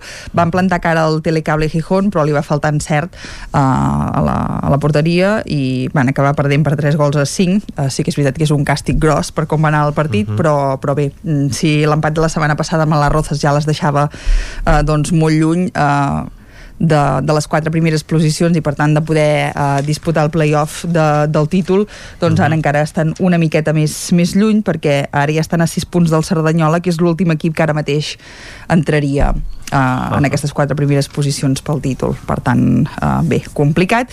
I en el cas del Manlleu uh, visitava el Sant Cugat um, uh, el penúltim de- d'aquest grup que lluita per al títol de la Lliga Mm. eh, van guanyar per 0 a 2 amb gols que van arribar al tram final del partit un resultat que demostra que en, aquest segon, en aquesta Mm. segona fase de competició res és fàcil, tots els equips ho posen molt complicat però el Manlleu que va sumar una nova victòria que el manté eh, doncs, segon en, a, en aquest grup a 6 punts del Palau que recordem que al perdre l'enfrontament directe doncs se'ls han escapat al, al capdavant de, de la taula i perquè també ja portaven més punts d'entrada a l'inici de la d'aquesta fase acumulats en la, en la segona. Mhm. Tot això pel que fa a l'hoquei, en el cas de, del futbol, aquest cap de setmana hi havia un nou derbi, recordem que aquest any eh, en aquesta competició de subgrups n'hi ha pràcticament Cada setmana, cada no? setmana perquè doncs, de, dels 10 equips del grup 4 són usonencs i això fa doncs, que, que hi hagi molts enfrontaments entre ells. El d'aquest cap de setmana enfrontava el Vic Riu Primer i el Manlleu a Santa Eulàlia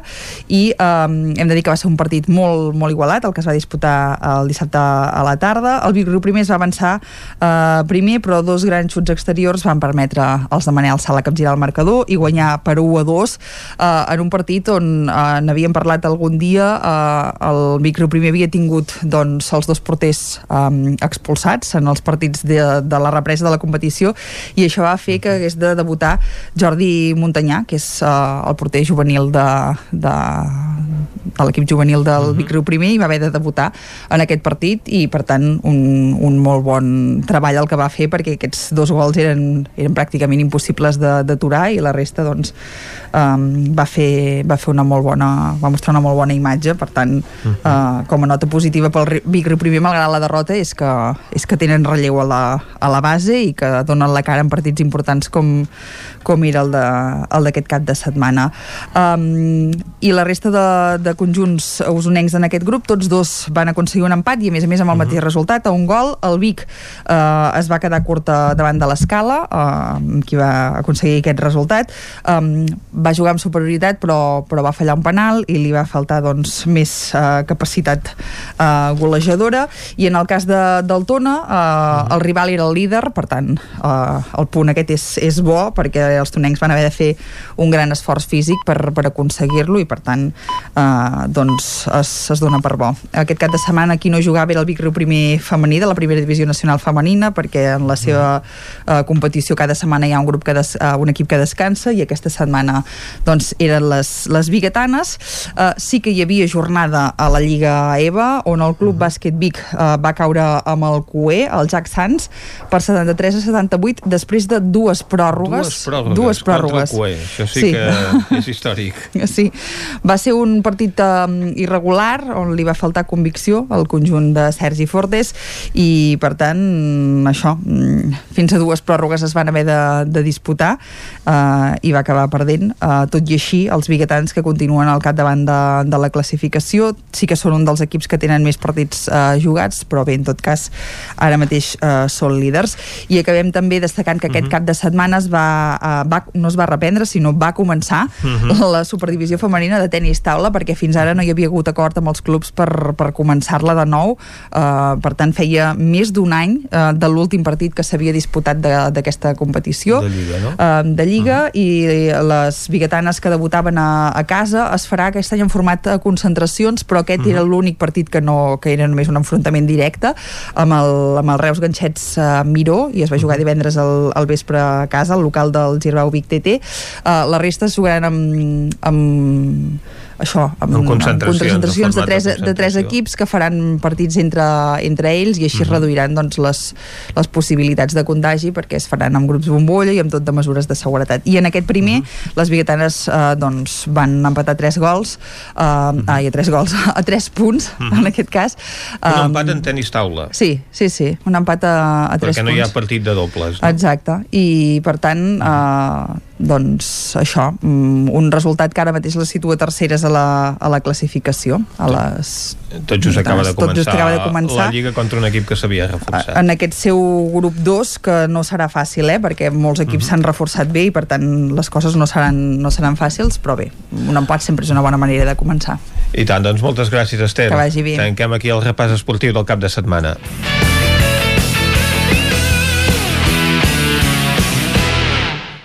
Doncs tanquem el repàs a l'activitat esportiva i quan són les 11 i dos minuts i mig del matí recuperem i us acostem de nou l'actualitat de les nostres comarques, les comarques del Ripollès, Osona, el Moianès i el Vallès Oriental. Territori 17, amb Vicenç Vigues i Jordi Sunyer.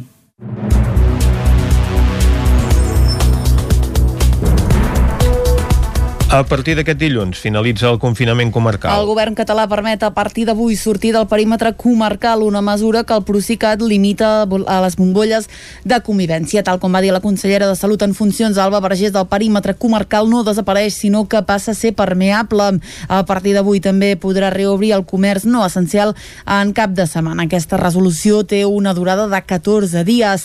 El conseller d'Interior en funcions, Miquel Samper, ja va dir que malgrat l'aire i la descompressió que s'ha aprovat de cara a Setmana Santa, no es poden fer dos passos endavant per haver-ne de fer després quatre enrere. Assumir cribratges, eh, gestionar les residències i més recentment la vacunació. Són algunes de les tasques que des de l'esclat de la pandèmia a Osona ara fa un any han hagut de liderar les directores dels nou equips d'atenció primària a la comarca. Un any després de detectar-se el primer cas de coronavirus a Osona, recorden com van haver de fer front a un virus llavors completament desconegut. Sara Sánchez és la directora de l'equip d'atenció primària de Manlleu. A nosaltres ens generava molta, bueno, això, molta incertesa, molta angoixa el fet de, de des, la desconeixença, no? No conèixer una patologia, no saber com, com tractaríem els nostres pacients, com ens afectaria a nosaltres, com aniria. En pocs dies, una escalada exponencial va fer passar els hospitals de la comarca de 0 a 169 pacients ingressats, un escenari que va estar marcat per la manca d'equips de protecció i de proves diagnòstiques. Aquest va ser el primer gran escull de la pandèmia als centres d'atenció primària. A tot plegat, aviat s'hi van sumar els brots massius a les residències, una situació límit que va colpir i molt a l'equip d'atenció primària de Tona. Laia Cabanes és la directora de l'equip d'atenció primària de Tona. Jo crec que el que més hem patit ha sigut amb el brot de la residència del Prat, que va ser el primer, i pel desconeixement, pel pilot de gent que hi va haver malalta, i per tot el que va passar. I després, el dia a dia, ha sigut molt dur. Per a totes elles, la vacunació s'ha convertit en una injecció d'esperança, ho explica Anna Moreta, directora del Servei d'Atenció Primària a Osona. Estem molt contents, el dia que va arribar la primera vacuna doncs ens vam posar tots molt contents perquè realment ningú pensava que en, un any tindríem una vacuna que fos efectiva.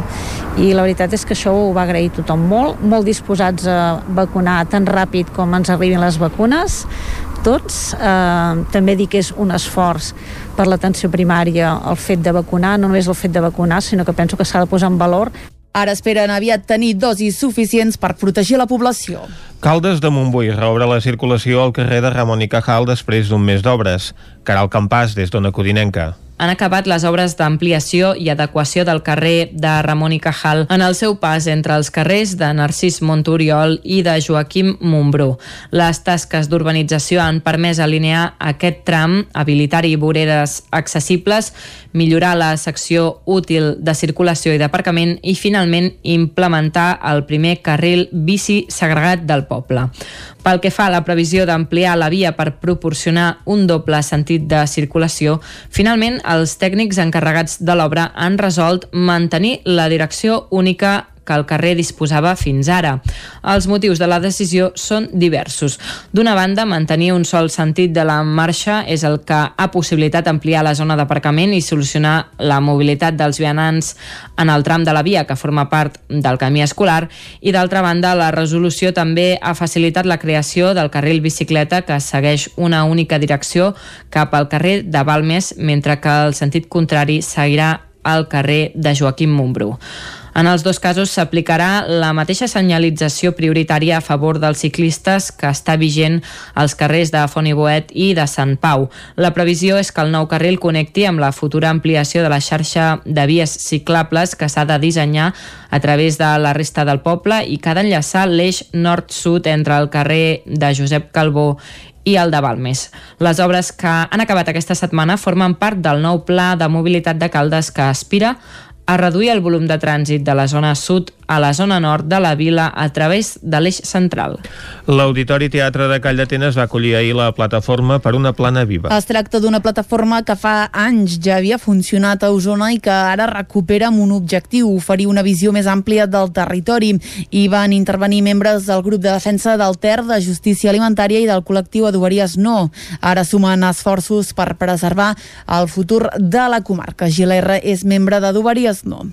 És una llavor, venim a, a plantar una llavor, tot un seguit de col·lectius de la comarca d'Osona, concretament de la plana de Vic, i l'objectiu, no, Xevi, és eh, protegir aquest territori, protegir el seu paisatge, protegir els seus poblets, protegir els camps de conreu, la terra fèrtil, no, la seva mobilitat i que perduri el màxim de temps possible. La proposta de creixements urbanístics d'alguns ajuntaments o la projecció de nous polígons i parcs solars han precipitat la recuperació del projecte Xevi Crozes és membre del grup de defensa del Ter. L'urbanisme fa que eh, i el model de finançament dels ajuntaments fa que els pobles vagin creixent.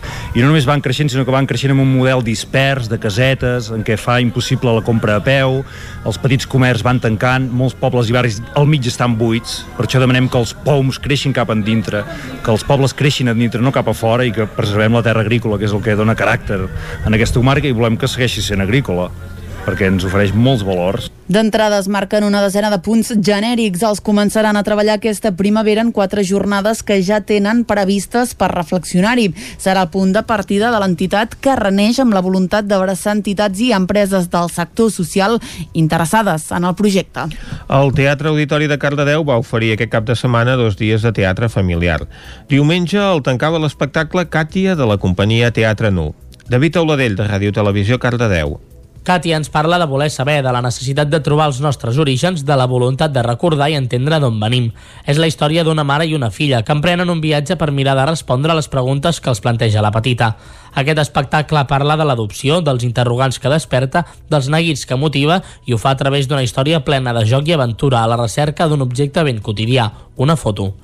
Katia és un espectacle de teatre visual que parla de la necessitat de retrobar-nos amb les nostres arrels i per tant vol fer reflexionar els espectadors, tant grans com públic infantil.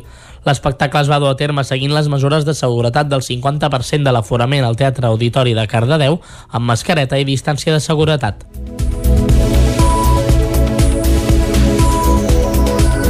Esports. El Motoclub Abadesses denuncia actes incívics al Bike Park de la població. Isaac Muntades, des de la veu de Sant Joan. El Motoclub Abadeses va denunciar a través de les xarxes socials els actes incívics que ha patit el Bike Park recentment. Els fets van ocórrer la setmana passada i hi ha nombrosos danys i desperfectes que ha patit la instal·lació. Les tanques, la cadena d'accés i els diferents materials que hi ha instal·lats per a la pràctica del bicitrial han estat malmesos. Cal destacar que aquest parc està destinat a la pràctica de l'esport. L'escola de trial del Motoclub Abadeses imparteix els seus cursets i els joves pilots entrenen i es formen en la disciplina del trial en aquest espai. No es tracta d'un parc infantil públic destinat al lleure. Segons va explicar l'entitat esportiva, esportiva darrere d'aquesta instal·lació hi ha una feina incansable per part de l'entitat i de totes les persones que hi col·laboren amb un únic objectiu, la formació i la diversió dels més joves. El Motoclub Abadeses ha posat aquests actes vandàlics en coneixement de l'Ajuntament i la policia local per tal d'esclarir els fets. I fins aquí el butlletí informatiu de les 11 del matí que us hem ofert, com sempre, amb les veus de Vicenç Vigues, Clàudia Dinarès, David Auladell, Caral Campàs i Isaac Muntades. I ara, quan ja són les 11 i 11 minuts del matí, el que farem és una breu pausa i de seguida ens capbussarem amb els solidaris que cada setmana ens acosta l'Eloi Puigferrer. Els saludem de seguida. Territori 17. Envia'ns les teves notes de veu per WhatsApp al 646 079 023. 646 079 023. WhatsApp Territori 17.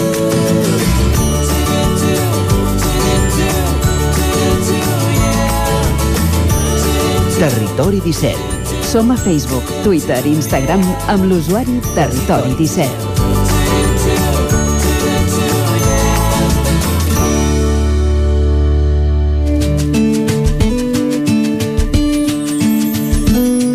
Solidaris, amb Eloi Puigferrer.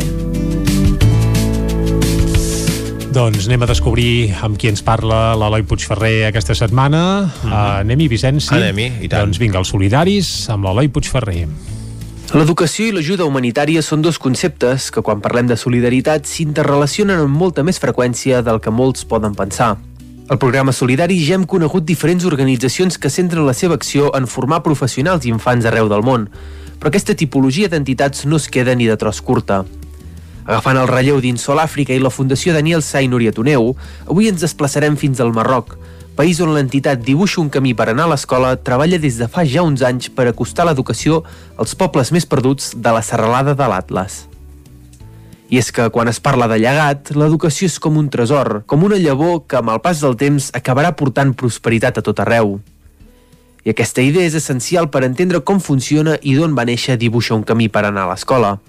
Així que avui, des de Ràdio Vic i a través de l'antena de Territori 17, coneixerem aquesta entitat i en Guillem Colomer, fundador de l'organització l'any 2016. Els nostres orígens són, són de l'any 2016, un estiu que vam anar al Marroc i vam estar fent un, un trajecte per les parts més, més autèntiques i més, diguéssim, despoblades del Marroc i vam veure que hi havia un, una necessitat doncs, de- doncs, d'ajudar una, unes poblacions doncs, que tenien moltes mancances i a nivell, doncs, que sí, a nivell de- d'educació, de, de sanitat, és a dir, bàsicament de, de pobresa, no? de país del tercer món.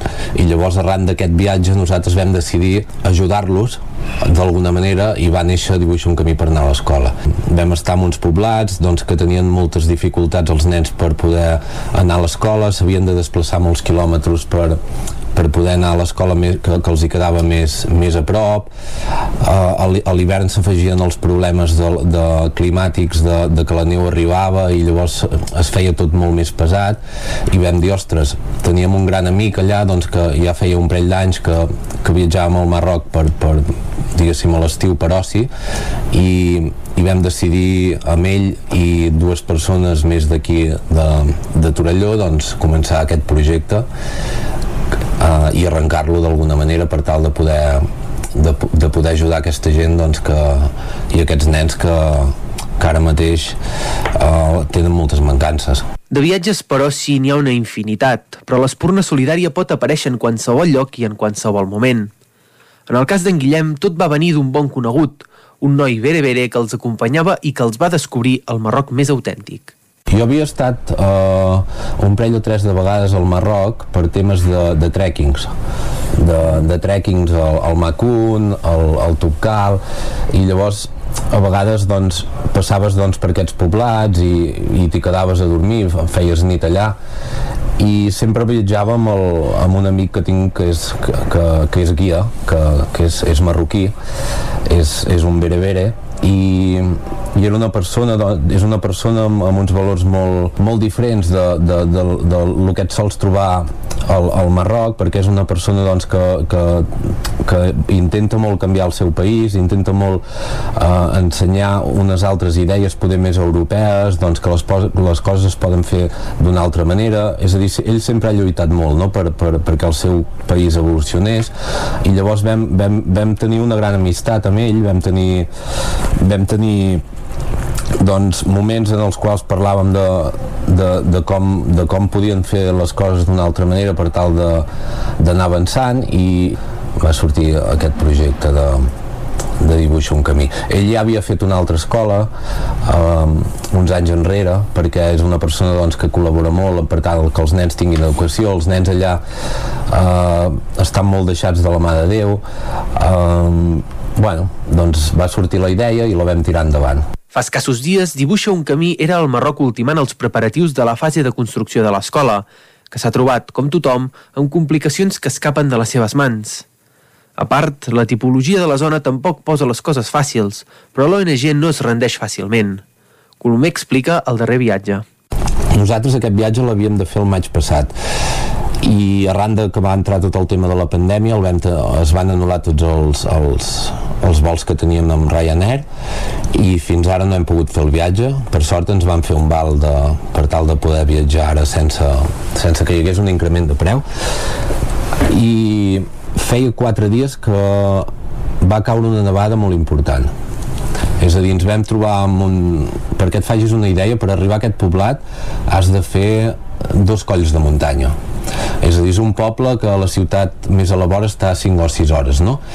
llavors què va passar? doncs que arran d'aquesta nevada nosaltres no vam intentar de totes maneres poder arribar al poblat però ens va ser impossible perquè els cotxes ens patinaven llavors nosaltres havíem de viatjar aquí perquè que els, els constructors allà no, no entenen els planos és a dir, nosaltres aquí fem un projecte fem els planos i tot plegat però, però aquesta gent no, clar, ningú els hi ha explicat, pobres, uh, com s'interpreta un plano i llavors ens vam trobar doncs, que els havíem d'explicar uh, a peu, a peu d'obra no? a peu de, de, de terreny com, com, com, en, com era l'escola quines dimensions tenia, és a dir, quines eren, quins són els volums i tot plegat i llavors uh, una mica el, la problemàtica va ser que no vam poder acabar d'arribar al, al, al poblat però vam, vam fer una molt bona feina que va ser agafar la gent que, que havien de fer el, el, que han de fer la construcció de l'escola i es, explicar-los en un altre lloc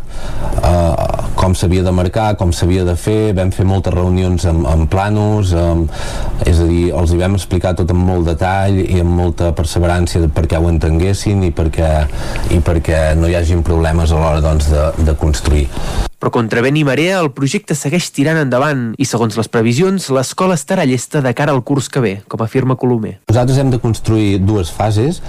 Uh, una fase és l'escola, on, on, on hi haurà les aules i els, i, els, i els llocs on es donaran les classes i la segona fase que és un espai per professorat perquè aquest, al, al ser un poble tan aïllat el govern et fica dos, ens fica dos professors que se'n cuida ell, ell mateix de, de pagar-los però l'únic que els hi hem de garantir és que tinguin un espai per tal de, de que es puguin allotjar.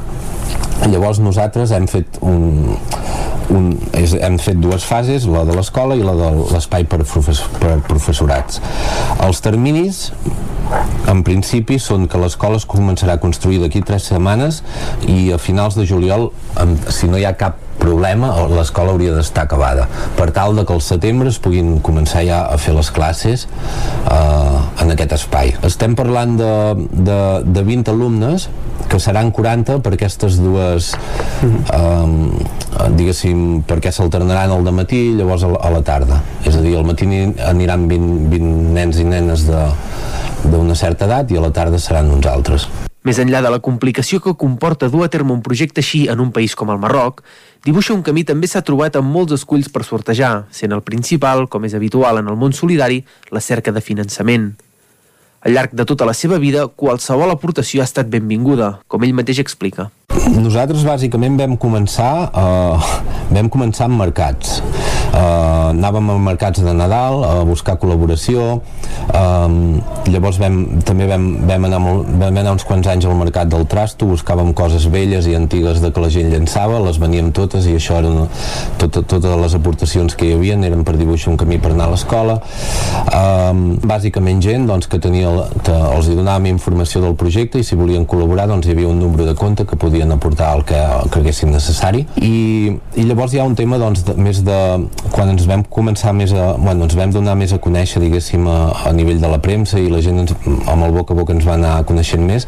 Llavors van arribar una mica aportacions doncs, eh, de fundacions, per exemple com la Fundació Girbau, doncs, que, que quan va veure el projecte li va interessar molt i, i els, personalment els hi vaig anar a explicar i, i, i inclús en aquest viatge han vingut, eh, ha vingut l'Anna Girbau, que és la, una, és una persona doncs, amb, amb uns valors també molt macos i, i que sap, té molt clar com ajudar en aquests països doncs ens ha acompanyat en el viatge.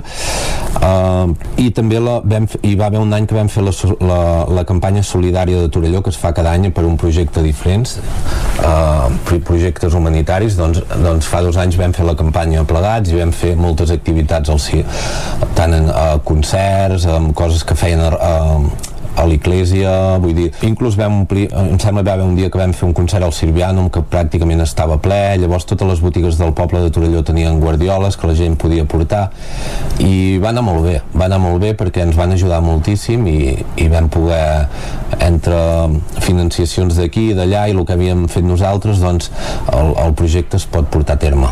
Nosaltres amb, amb el tema de pressupostos i mm, pràcticament el, la, la inversió que, que hem de pagar de l'escola està en un 90% a, a subventada, diguéssim. Ens falten, crec que són 3 o 4.000 euros, que anirien molt bé que hi siguessin, per tal de, de poder acabar l'escola amb tots els detalls i, i constructivament amb tots els acabats eh, necessaris per, perquè l'escola sigui confortable. Eh, l'escola es farà igualment, perquè Sí, doncs reduirem una mica costos ja sigui d'algun lloc o d'un altre per tal de que es pugui fer, ja amb el finançament que tenim ara, però 3 o 4.000 euros, això que dius la carta als Reis, doncs 3 o 4.000 euros, si hi hagués alguna, alguna empresa, fundació o algú que ens volgués ajudar, ens seria fantàstic. Un altre factor a tenir en compte, més enllà de portar ajuda, és el d'estar allà al costat de la gent, que resumits comptes és qui t'ha d'ajudar i t'ha d'obrir les portes. Aquest aspecte és molt important per dibuixar un camí, tot i que la gent del Marroc a vegades no posi les coses massa fàcils. No és un país fàcil perquè, bueno, culturalment i a part hi ha un tema molt de, de corrupció de, per part del govern, doncs que tot funciona a vegades amb, amb, és a dir, tothom vol guanyar cèntims d'alguna manera amb algunes coses, el, el, el propi govern i la policia són una mica corruptes. Llavors, l'ajuda, aquesta gent no acaben d'entendre massa com és que, que per, per dir-ho d'alguna manera, alguns estrangers van a aquest país a ajudar sense guanyar res a canvi. A vegades es pensen que, que, que tu treus algun, algun benefici, quan tu l'únic que fas és ajudar d'alguna manera perquè et surt del cor, m'entens? I llavors, ells ho entenen una mica d'aquesta manera, però tot i així la gent que, que té una mica la, me- la ment més oberta sí que ho entén d'una altra manera, que tu els ajudes i que, i que vols que aquell poble tingui una escola i, i s'ho miren d'una altra manera, no? Però és un, és un país que a vegades les coses funcionen de... Ja no sé si és per un tema, doncs, de, de, de lo que han viscut sempre, no? de, de, de que a vegades el govern i, el, i els i la policia actua doncs, d'unes de, determinades maneres, només amb interès i amb interès, doncs que a vegades la gent mal pensa de les altres persones. Sigui com sigui, la feina que fa Dibuixa un camí segueix sent necessària en una zona del Marroc on tant per l'orografia com per la distribució la vida no és senzilla. És per això que, tot i les previsions d'enllestir l'escola d'aquí poc, encara els queda molta feina per fer a l'Atlas. Han sigut 4 anys que és molt, des de que vam, de, des de que vam fundar l'ONG i han sigut molt, molt macos però també han sigut molt durs alhora. Hi han hagut moments una mica frustrants en el sentit de dir, ostres, que complicat que és fer una escola en un país, en un país així. Realment és així, saps? Jo la setmana passada al Marroc eh, vaig tenir moments molt durs Uh, però llavors penses, aviam, inclús moments que dir tu, ho deixo córrer, saps? Però llavors penses, per què ho hem fet això? Ho hem fet perquè uns nens puguin anar a l'escola i perquè aquest poblat tingui una escola amb condicions i llavors és quan dius, no, no, això ho acabem, saps? Ho acabem. A mi m'agradaria que dibuixa, el, dibuixa un camí del futur, doncs hi hagués hi haguessin noves generacions també doncs, que portés noves idees uh, segurament doncs que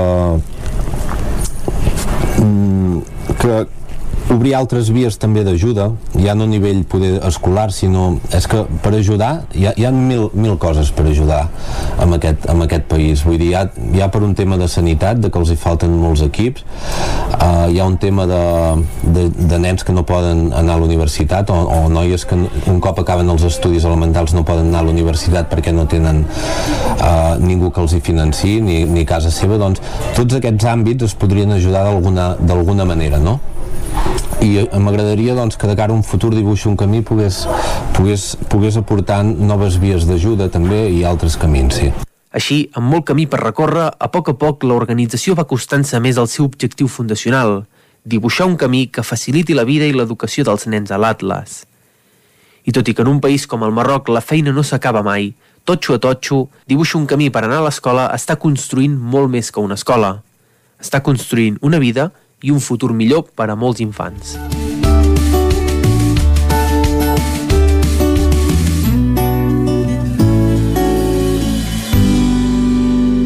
Territori 17. Doncs dibuixa un camí per anar a l'escola és la iniciativa que ens ha costat avui l'Eloi Puigferrer a Solidaris, una iniciativa molt i molt interessant, com totes, evidentment, però la veritat és que aquesta és sorprenent i, i diferent, eh, Vicenç, també? I tant, perquè a més a més afecta a totes les famílies i és doncs una bona idea per famili- familiaritzar també els nens no, amb les seves rutines habituals. Uh, ara el que ens toca aquí a Territori 17 és fer una breu pausa, tornarem després a dos quarts en punt, anant a les Lloses, descobrint Catalunya, anant a la R3 i també fent tertúlia esportiva sobre la jornada de la Lliga de Futbol del cap de setmana. Per tant, això, marxem ara i tornem d'aquí 3 minuts amb tota aquesta feina. Fins a les 12 us farem companyia, no marxeu? El nou FM, la ràdio de casa, al 92.8. A Montse Estètic Vic celebrem dos anys. Tant si ets client nostre com si ens acabes de conèixer, gaudiràs de descomptes i promocions tot el mes de març. Aconsegueix un 2 per 1 en la depilació làser al portar un amic o amiga i enamora't gratuïtament de la presoteràpia mentre et fem un tractament facial. Cuida't més que mai. Ara amb el 20% de descompte en tots els productes. Vine a Montse Estètic i mima't. Ens trobaràs a l'Avinguda Pius 12, número 26 de Vic. Al telèfon 672 1704 23 i a la web montsestètic.com. Els dies 25 i 26 de març se celebren les eleccions agràries. Les votacions seran únicament pel sistema de votació electrònica. Pots votar remotament amb l'IDCAT certificat, el DNI electrònic, altres certificats reconeguts o amb el sistema de reconeixement biomètric. També pots votar de manera presencial amb el DNI des de qualsevol dels punts d'assistència al vot electrònic. Tots els punts comptaran amb les mesures sanitàries necessàries per garantir la teva salut i la de tothom. Més informació a agricultura.gencat.cat. Generalitat de Catalunya. Catalunya. Hi ha sensacions que són úniques. Aquell bany relaxant, mirar per la finestra quan plou i com les calderes Bailand, que li ofereixen fins a 15 anys de cobertura total amb el servei tècnic oficial Bailand. Informis a Oficiat Nord trucant al 93 886 0040. Amb el servei tècnic oficial de Bailand, la seva caldera estarà en les millors mans. Cocodril Club. Si t'agrada la bona música dels anys 60, 70 i 80, escolta el 9 FM els matins de dissabtes i diumenges d'11 a 1. És el temps del Cocodril Club, tot un clàssic de la ràdio, amb les bases del pop-rock, les llegendes, les cançons que s'han convertit en autèntics himnes. Recorda, dissabtes i diumenges al matí, d'11 a 1, al 9 FM 92.8. Cocodril Club, el programa revival de l'Albert Malla. Hasta luego. Passema, comercial de maquinària i utillatges amb més de 50 anys al vostre servei. Visiteu la nostra botiga i trobareu productes de gran qualitat. Passema, som al polígon Sot dels Pradals, al carrer Cervera 10 de Vic. Telèfon 93 885 32 51. Passema us desitja un bon mercat del ram. Amb Pradell estalvio energia i cuido la meva butxaca i el medi ambient. Posa't en mans de Pradell. Són experts en calderes de gas i condensació, estufes de pèl·let, energia solar, terres radiants, geotèrmia i aerotèrmia. Pradell instal·la calderes de biomassa per a particulars i per a empreses. Si vols estalviar un 50% en consum, contacta amb Pradell i passa't a les energies renovables. Pradell som a l'Avinguda Països Catalans 27 de Vic. Telèfon 93 885 11 97. Pradell.cat.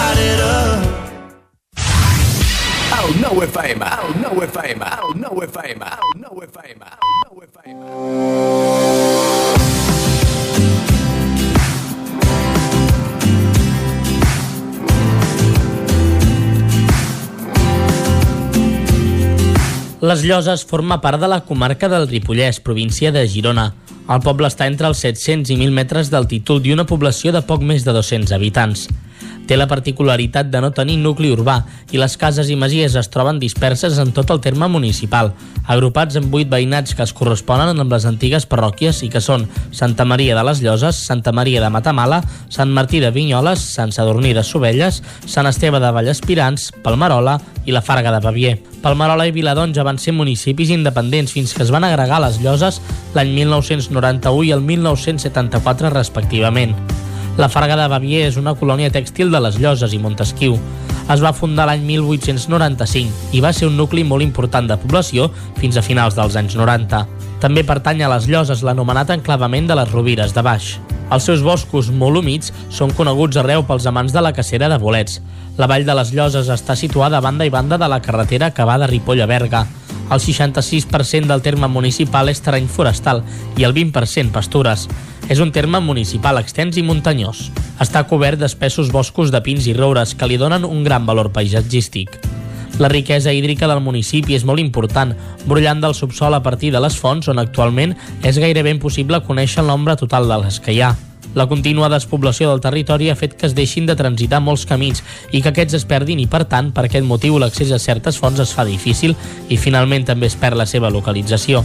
Per les lloses hi passa la riera de Merlès, que té un recorregut d'uns 47 quilòmetres. Neix a la vessant sud dels rasos de Tubau, amb els torrents de la seva capçalera repartits entre Sant Jaume de Frontanyà, comarca del Berguedà, i les Lloses. Aquesta riera destaca principalment per la puresa de la seva aigua i la gran quantitat de gorgs i salts d'aigua en tot el seu traçat. Actualment és un espai natural protegit i des de l'any 2017 es restringeix l'accés en aplicació de l'ordenança reguladora de l'ús públic de la riera de Merlès. Finalment, si sou de visitar esglésies, en podeu trobar ni més ni menys que 12 de romàniques repartides pel terme.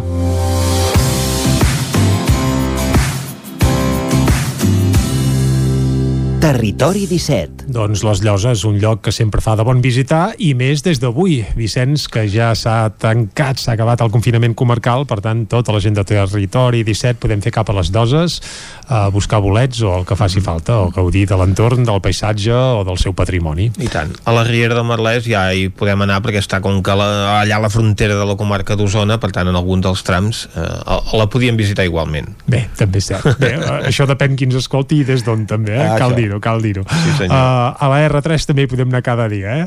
I tant. Uh, això sí, amb els perills que comporta uh, fiar-se de la puntualitat o no dels convois que circulen. Ens hi capbussem? Som-hi. Doncs va, anem-hi. A Trenc d'Alba, edició pandèmia. Ara sense els usuaris que ens explicaven les seves desgràcies a la R3, però amb els mateixos retards i problemes de sempre. Benvinguts a Tren d'Alba. De tant en tant està bé fer d'altaveu de les denúncies d'alguns usuaris de la línia R3, que ja sabeu que són moltes i variades. Doncs bé, ara fa uns dies, a un quart de cinc de la tarda, a l'estació de Centelles, un tren de rodalia semidirecta que anava en direcció Vic estava aturat sense obrir les portes i esperant un encreuament. Això és un fet habitual, i l'usuari, que és el nostre excronista en David Vinyoles, es preguntava per què no s'obrien les portes i es donava més servei a la zona 5, on no hi para cap semidirecte. Doncs va tenir una resposta d'un usuari que va dir-li que no ho feien senzillament perquè el maquinista ho tenia prohibit prohibit. L'usuari deia que les empreses tenen una sèrie de normes i que les de seguretat primen a les empreses ferroviàries. A més, va dir-li que la solució no venia de la mà dels treballadors que feien la seva feina correctament, sinó en el canvi integral de la línia. A veure, això que sempre facin la seva feina bé tampoc és ben bé veritat, que hi ha vegades que també la vessen, però evidentment la responsabilitat més gran la té Renfe. Doncs bé, en David Vinyoles va acabar dient que reivindicava que Renfe fes l'estació de Centelles amb parades de semidirectes. Va, ens retrobem demà amb més històries del tren i de la R3. Territori 17.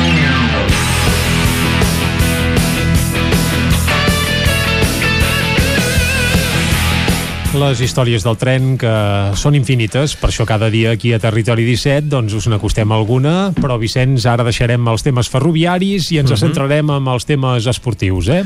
Doncs sí, eh, centrem-nos en l'actualitat futbolística perquè aquest cap de setmana han passat coses uh -huh. a, a les lligues, a les principals lligues de futbol i no totes bones. Anem a parlar-ne tot seguit. En Lluís de Planell que fa aquella cara com volguent dir què vols que et digui? Jo? Doncs mira que l'Espanyol avui pot perdre la segona posició de la segona divisió. No, però és que a part, abans del cap de setmana arriba eh, bé dimecres sí. i dimecres a París va passar alguna cosa ah. que no van fer nens sinó que va ser una altra cosa això no ho saps ah. fins, fins aquí nou mesos no en podem parlar bé bé però del que va passar dimecres passat sí que en podem parlar, no? Ah, doncs o tampoc, sí. No, no, sí està prohibit. Exacte. No, no, no, no està, aquí no està res prohibit. Um, podem parlar del que va passar dimecres eh, si convé, també del que va passar dissabte, Isaac Muntades. Hola, bon dia. I bona hora. El Madrid va guanyar, però d'aquella manera. Bé, va guanyar bé o sigui, podria haver guanyat per molt més gols però ja se sap que la punteria no és el fort del Madrid i que si no marca Benzema doncs no marca ningú més però bé, es va salvar un partit que era complicat hi havia gent que ja s'estava fregant les mans pensant que el Madrid es deixaria dos punts contra un rival que està pràcticament, no sé si està en zona de descens, sembla que sí, i, i al final no, no va ser així, i a alguns se'ls hi va quedar doncs cara de dir, ostres, quina pena, eh? i ara el Madrid doncs és segon. Al minut 91, el Barça, eh? Sí, està bé, però ja està bé perquè això vol dir que el Madrid torna Sí, uh, torna a fer el que feia sempre. No? Tornen al passat, guanyar, guanyar allò a última hora que també això de, de no rendir-se i està bé i que no, això no hauria de passar si també en xiulessin els penals que toquen que un altre partit més doncs vam veure que l'escàndol arbitral es perpetra com un cercle viciós i, i, que, i que hi va haver una jugada de karate perquè no, no, no només es juga a futbol en els partits del Madrid, es juga a karate sobretot de, del defensa aquell que li va fer el penal a Sergio Ramos claríssim un altre penal que no, que no veuen des del bar perquè deuen estar de vacances m'imagino i, i bé, doncs eh, ens hem de lamentar però però vam guanyar, no? que això és lo important i, i ara anem segons i ja veurem què fa el Barça avui però si, si, si Sergio Ramos ja no jugarà al Madrid la temporada que ve. Bueno, això no ho sabem, jo crec que sí que hi jugarà. Estic convençut que sí. Entre altres coses per, perquè no hi deuen haver gaires clubs disposats a pagar el que cobra el Madrid. Correcte. Primer per això i segon perquè aviam, eh, també és gran. Segurament es vol retirar al Madrid. Jo crec que ha format una família, està bé a Madrid. Jo no el veig marxant a cap altre lloc uh, no sé, a París per exemple com s'està dient o llocs no, no, no. Bé, altre, Ramos... altres clubs no volen, no volen pagar el que cobra el Madrid però el Madrid tampoc li vol pagar el que està cobrant bueno, sí que li, sí que li vol pagar no, bueno, no, no, sí, el que, no, el que havia demanat Sergio Ramos ara no ho sé però ara mateix li està pagant el, el sou, això sí clar, evidentment, no, perquè ho té firmat que, que, que deu cobrar 12 milions d'euros em sembla Sergio Ramos, si no estic equivocat més o menys, eh? no, no ho sé segur però vull dir que està bé, no? Per un defensa de, si, sí, sí, si crec no, que deu ser estar. dels jugadors que més cobra de la plantilla, em sembla mm. vull dir, no sé si per sobre hi deu tenir Benzema com a molt no, no ho sé, eh? ara o, i Bale, bueno, Bale és un cas a part perquè la meitat del sou el paga el Tottenham Sergio Però- Ramos, eh, també es parla Sí. de, de tenir ganes de, de que torni el Cristiano Ronaldo penso que aneu bé També torna, home, sí. veig que el Madrid té una, una aposta Sí, sí. per la renovació Miquel, Sí, sí, sí. Ah, molt bon dia i m'incorporo eh, això, no, no, sí que és veritat que els, els culers hem recuperat un, un, un lleuger som, somriure no? Eh, a veure, no, no, no juguem al compte de la lletera s'ha de jugar el partit de 8 però poder-nos a posar a 4 punts sí, jo recordo sobretot la setmana passada que feies uns comptes que ens van, ens van fallar començant pel derbi i de moment No és que no Fallaran, si, fallaran. avui, si avui es produís la lògica ens tornem a posar davant però tornem a posar segons i a 4 punts home eh, no sé si guanyarem Copa i Lliga evidentment costarà molt jo continuo dient que costarà molt però si més no competia dèiem la, la setmana passada què va passar ostres, doncs que vam donar molt bona imatge al camp del Paris Saint-Germain vam passar un sotrac més enrere aquell 4-1 és inexplicable Mhm. i per això calen canvis però la imatge que vam donar i un Paris Saint-Germain aculat a darrere jugant al contraatac aviam si, si l'Mbappé ens fa algun gol ostres, jo vaig veure un Barça molt potent I Messi perquè va fallar un penal. i vam fallar penals i podíem haver fet i el que deies, i aquest any també igual que el Madrid, no estem prou efectius però es podia, se'ls podia haver espantat molt i allò era tranquil·lament un 1 a 2, fins i tot un 1 a 3 hagués estat bastant lògic. Eh, pel que fa a la Lliga, és clar, vam acabar l'any 2020, i recordo, em sembla que érem vuitens, estàvem a 10 punts i a un partit menys de l'Atlètic de Madrid i ara ens podem posar a 4 no vol dir que guanyarem la Lliga, però es tractava d'això, és un mica el que se li reclamava al Barça que competís, no, és com a mínim competir, i per tant si estem aquí a 4 punts com a mínim que els de l'Atlètic de Madrid els hi tremolin les cames i a partir d'aquí veure què passa. Eh, esperar els errors dels altres. l'Atlètic de Madrid ha de venir camp del Barça. Bueno, és una altra lliga i penso que és una lliga que està més bé no? Vull dir aquestes lligues que eh, el que vèiem que ens semblava si l'Atlètic de Madrid havia de guanyar de carrer que no serà així i per tant jo penso que això és lo divertit. Mm, no sé, a partir d'aquí ja dic eh, el el Barça té molts problemes de futur, de saber què, què, què acabarà fent amb aquesta plantilla. eh, sí que hi ha tots aquests brots verds que són il·lusionants, però continua tenint jo penso, jugadors si el Griezmann, eh, no sé què s'hauria de fer s'ha de renovar o no en Dembélé però hi ha el cas del Coutinho que, que no, no sabrem què fer-ne vull dir que encara hi ha una plantilla molt cara que s'ha d'anar renovant però que s'ha fet un camí eh, si, eh, si per contra la gran aposta és que torni el Cristiano Ronaldo per part del Madrid jo penso que Sí. sí. nosaltres hem encetat un bon camí Perquè el Cristiano Ronaldo tornarà amb 36 anys, s'ha de dir. Correcte. Sí, però, però és igual, farà, farà 25 gols per temporada. Si això... No ho Eh, bueno, si tot- ahir, si- ahir va fer tres, és que clar... Eh, Exacte, benvingut sigui Cristiano Ronaldo. Jo, per mi, alfombra vermella i ja, demà mateix. L'han eliminat Ja també de la Champions, que quedi clar. Per això, ja pot venir. Ja no té res a fer la Juventus. Ja no pot guanyar la Lliga tampoc, gairebé. jo diria que el futur del Sí, però hi ha moments si, que si és de s'han de Cristiano, posar- malament. és com ara quan, quan, fa, quan fa gols en Luis Suárez no? I jo continuo pensant que va fer ben fet el Barça De treure sol. jo penso que poder no hem trobat el relleu però són, són ara fitxes molt, molt cares de jugadors que estan a la baixa. Encara que facin gols, ara està en un equip que pot fer gols perquè juga allà davant, però ja no té el recorregut, no és el Luis Suárez de 3-4 anys enrere, i per tant s'ha de ser valent a vegades de treure alguna vaca sagrada i fer apostes per veure què passa. Al Barça li va sortir malament. Què ens va sortir malament? Que ens, se'ns va lesionar un nano que apuntava no? com és l'Ansu Fati, que jo penso que, que és dels jugadors que apunten més maneres. I és, és, aquí s'hauria de pensar una lesió d'aquestes de llarg recorregut però estan surt... jo penso en aquest, en aquest sentit eh, calen apostes valentes. Però els grups eh, multimilionaris, un pensa en, en joves de 36 anys i els altres pensen en jugadors de 17 i de 18 i em fa l'efecte que no és ni una cosa ni l'altra perquè uns encara no han arribat mm. i l'altre s'ha passat de, de la ratlla ja, vull dir que mm, que- o sigui els equips, diguem, modestos, econòmicament modestos, que busquin solucions eh, d'aquesta mena, molt bé. Però els equips eh, supermilionaris com el Barça el Madrid fa l'efecte que... O sigui, jo no he sentit en cap moment que en Cristiano pugui anar al Bayern o al City o al Paris Saint-Germain, sí, perquè ja sabem quan som també, però vull dir que eh, cap, aquest, de, cap equip històric d'aquests mm, també històricament rics no n'ha parlat ningú, només han parlat del Madrid i com a molt del Paris Saint-Germain. El Paris Saint-Germain tampoc ha dit res amb això, eh? Però vull dir que... No, el Paris Saint-Germain ho ha de fitxar tot, ha de fitxar Messi, ha de fitxar Cristiano per això, Ronaldo... Aquests, el problema és que això de que són, que són clubs grans i sí, però econòmicament ja sabem com, com estan les coses i per tant ara fer grans apostes, no? ara entrar a la guerra per fitxar el Haaland, eh, per fitxar aquests Sí, jugadors sí. que els posen a 150 milions, eh, eh, clar, eh, jo penso que és més il·lusionant intentar anar traient, d'acord que no ens podem basar, però penso que sí, però fa ha el fet trempar el, més el el Barça diners, eh? El Madrid fa temps que no gasta i eh, Sí, el té, Madrid ara té. en, té, Bueno. en té més en té més que el Barça, el Barça ara no pot jo penso que no, no pot fer bogeries tal com És que està el Barça, O- quan, quan en tenia, va fitxar en Griezmann per 100 milions. Ah, clar, aquest, aquest va ser l'error. Clar, Bueno, aquí, Griezmann, Dembélé i Coutinho suma i què han donat aquests Sí, sí. jugadors i què, què s'ha gastat el 400 Barça? milions. Ah, vull dir que, esclar, això va estar claríssim, no? Eh, la jugada de marxar al, al del Paris Saint-Germain i, no? I, i, i ens cremaven aquells 200 milions i es van mal invertir i això s'està pagant molt car. Avui la portada de l'AS diu que la fitxa de 31 milions és eh, doncs, el gran escull pel fitxatge de, de Cristiano Ronaldo. Per tant, tants diners no deu tenir el Madrid.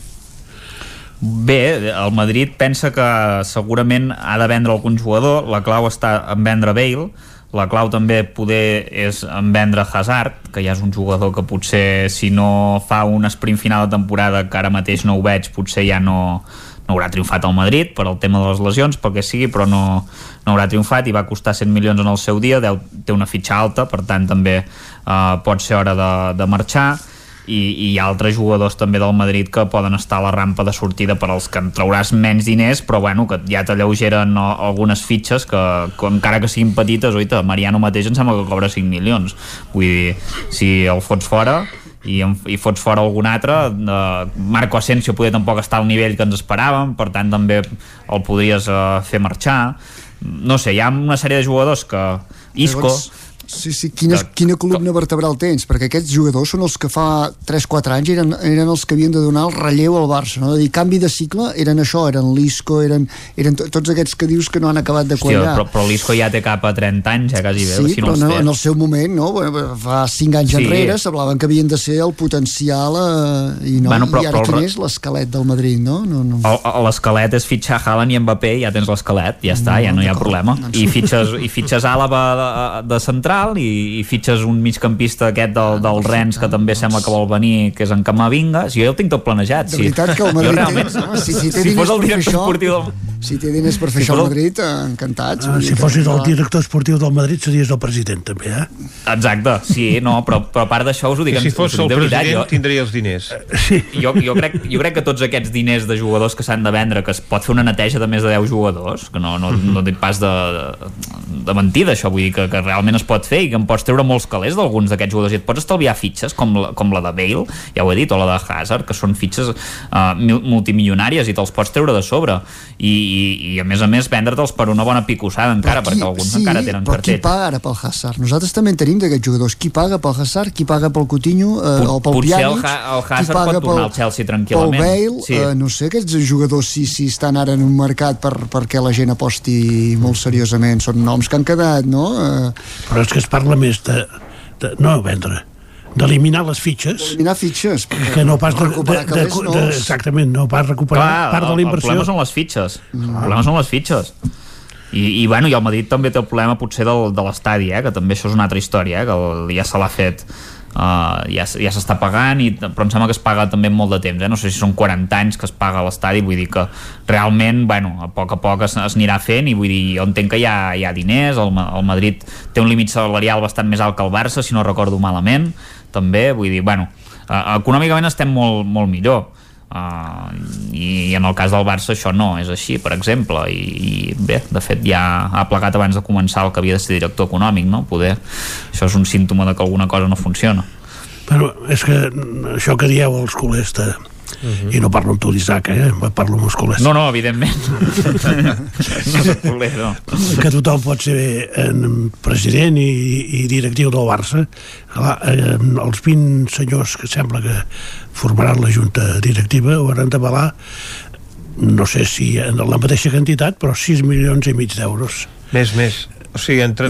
més perquè no arriben, no arriben als 20 els directius i han d'avalar gairebé 126 milions que sembla que ja els tenen que avui doncs, Joan Laporta els, els Ja, ja. presentarà a la Lliga de Futbol Professional però això vol dir efectivament més de 7 milions d'euros per directiu Sí, que sí, Ah, que jo- són, és elitista No sé, totalment. no sé com et presentes a casa teva dient a la teva senyora o al teu marit, si ets l'hora eh, escolta, eh, he fet un aval de 7 milions d'euros que això hi va el pis, la casa, no sé què no sé quantos i, els, i els, els, les accions i no sé què no sé eh, és, és complicat, eh, tot això. Uh -huh. Dir, és ara, de totes maneres, jo, mm, els culers estigueu tranquils perquè en la porta ja, ja, ja compleix. Ho tornarem a fer. Efectivament, hem quedat fora de la Champions i, efectivament, la, la, ju- la Junta ja es baralla abans de començar. Vull dir, ho tornarem a fer. Vull dir, sí, una sí. mica esbiaixada, abans de que ja havíem perdut 4-1, abans de que ell fos president. Ara es pot veure així, que encara no ho és, eh, de fet. perdut- Encara, encara no ho és. vull dir, Fins La, por, la porta té un, fins té un dimecres 0% de victòries, no eh? La porta. possessió. Sí que és veritat que calia ara insuflar un toc d'optimisme i algun somriure. Ja, de moment ha aconseguit això. Tot és molt més, tot és complicat. I el, el, a Can Barça se sap que la, vull dir que el futur és complicat, és el que, el que dèiem, eh? econòmicament, el, com s'ha d'anar renovant la plantilla. Ara, atribuir-li ara la derrota de 4-1 perquè hi ha hagut canvi de president a l'eliminació a Europa és una mica agosarat, però bé, bé, sí aquesta és I el, la, el primer que va fer, de fet, va ser anar doncs, a animar els jugadors, una cosa que no feia mai Bartomeu, de baixar al vestidor, acompanyar-los doncs, a, a París ja com a, com a president impectoré i, i, i també doncs, al, al mateix aeroport doncs, donar ànims als jugadors per poder És- superar és aquesta que- eliminatòria. En Bartomeu, si baixa els vestidors, se'l se carreguen els jugadors. Sí. no va molts, ànims, molts ànims, no. amb la majoria.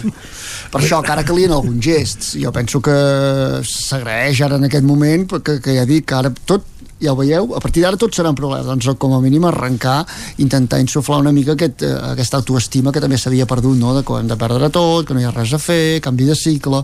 I, bueno, tot, tot té els seus moments i l'esport va donant voltes i i el, hi ha un aspecte psicològic importantíssim en l'esport i ho estem veient a l'Atlètic de Madrid amb aquests empats que està traient eh, dos mesos enrere aquests partits se'ls treia segur un gol i d'allò i ara Exacte, un gol com a mínim el treia. un gol el treien i anaven fent Que i ara una temporada ja se sap que ja passen... se sap que tens els seus moments però a més quan tens aquesta pressió de que n'has empatat dos de seguits o d'allò i bueno mm, I també quan em portes molts de guanyats de forma ajustada. És que gairebé tots els hi portava. sí, llavors arriba un punt que també així, eh? eh, quan te la jugues així eh, I l'altra cosa, doncs, el Madrid també és amb el Cádiz, no?, que vau empatar. Amb el Cádiz vam empatar? Mhm. No, amb el Cádiz vam perdre. Doncs encara més, vull dir que... Eh, El Madrid ha perdut amb tots els equips de baix, quasi bé ho ha empatat amb els equips de baix. Jo vaig dalt, veure, menys. jo vaig veure només res, 10 minuts contra l'Elx a la primera part i va ser l'Elx el que va tenir les ocasions. El que passa és que, esclar, no, no, no tenen pólvora davant i, i no, no les van transformar. I llavors el Madrid s'hi posa, sobretot treuen a Modric Saps què passa, Kroos Lluís? i ja està. Sí, és que s'acosta la primavera i la flor de Zidane torna a créixer, a poc a poc. Ah. Va regant a poc a poc, ara que comença a ploure i ja, i ja comencem a Vigila que funcionar. encara vindrà alguna glaçada, eh? Diuen ara final i vindrà Espere- a finals de setmana. Esper Vigileu que no esperem que no, no esperem que no. En Pep Acosta ho ha aviam. pronosticat. Dimarts o Aviam dimecres, eh? l'Atalanta. Aviam amb l'Atalanta, I què ja passa? saps que si glaça a la plana de Vic, glaça a Madrid. Sí, Rodolí.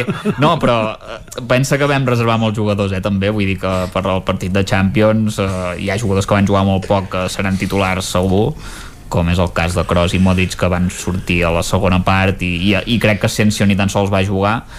I, i bé, per tant i Benzema venia de no jugar durant molt de temps per tant ha agafat rodatge, Ramos també va agafar rodatge vull dir que amb el partit de l'Atalanta suposo que el Madrid no hauria de tenir dificultats per passar eh, tenint en compte que és superior ara mateix, eh? després de, de veure el primer partit de, de l'anada que, que realment hauríem d'haver guanyat per més gols perquè vam jugar gairebé tot el partit amb un home més i, i s'ha d'aprofitar. Però bé, uh, jo de moment estic tranquil, el Barça ja està eliminat de la Champions. Uh, El Madrid de la Copa un Madrid de la Copa que no importa gaire perquè no, la Copa és un no trofeu menor tens raó, no es poden posar Sí. evidentment No a es poden posar al mateix sac, home, però clar, de veritat, això. sincerament ara no, el Madrid tal com sí. el veus, li veus recorregut a Europa us va tocar l'Atlanta, que ha estat una mica doncs... ara ens ha de tocar el Porto, Miquel a la pròxima és confiar, confiar molt a veure, amb el sorteig, no? Perquè jo en aquests Si moments no el el veig un Porto- equip per estar competint potent per Clar. guanyar la Champions, però és clar, és això que dius, eh, pot ser que No, la no. primavera Sí. sigui eterna. Home, si li toca el Porto, sí. Llavors potser sí que arribaran a semifinals, eh? Clar, perquè pensa que hi ha en Pepe també, que és el nostre amic, i segurament dirà, ostres, va, em sap greu, va, em deixaré, algun, em deixaré que em passeu en alguna jugada, i jo crec que podem passar, i, i després, bueno, amb una mica de sort, doncs passar a algun altre equip així a semifinals, així una mica més fàcil, i... Home, fàcil ja no en quedarà cap de semifinals, eh?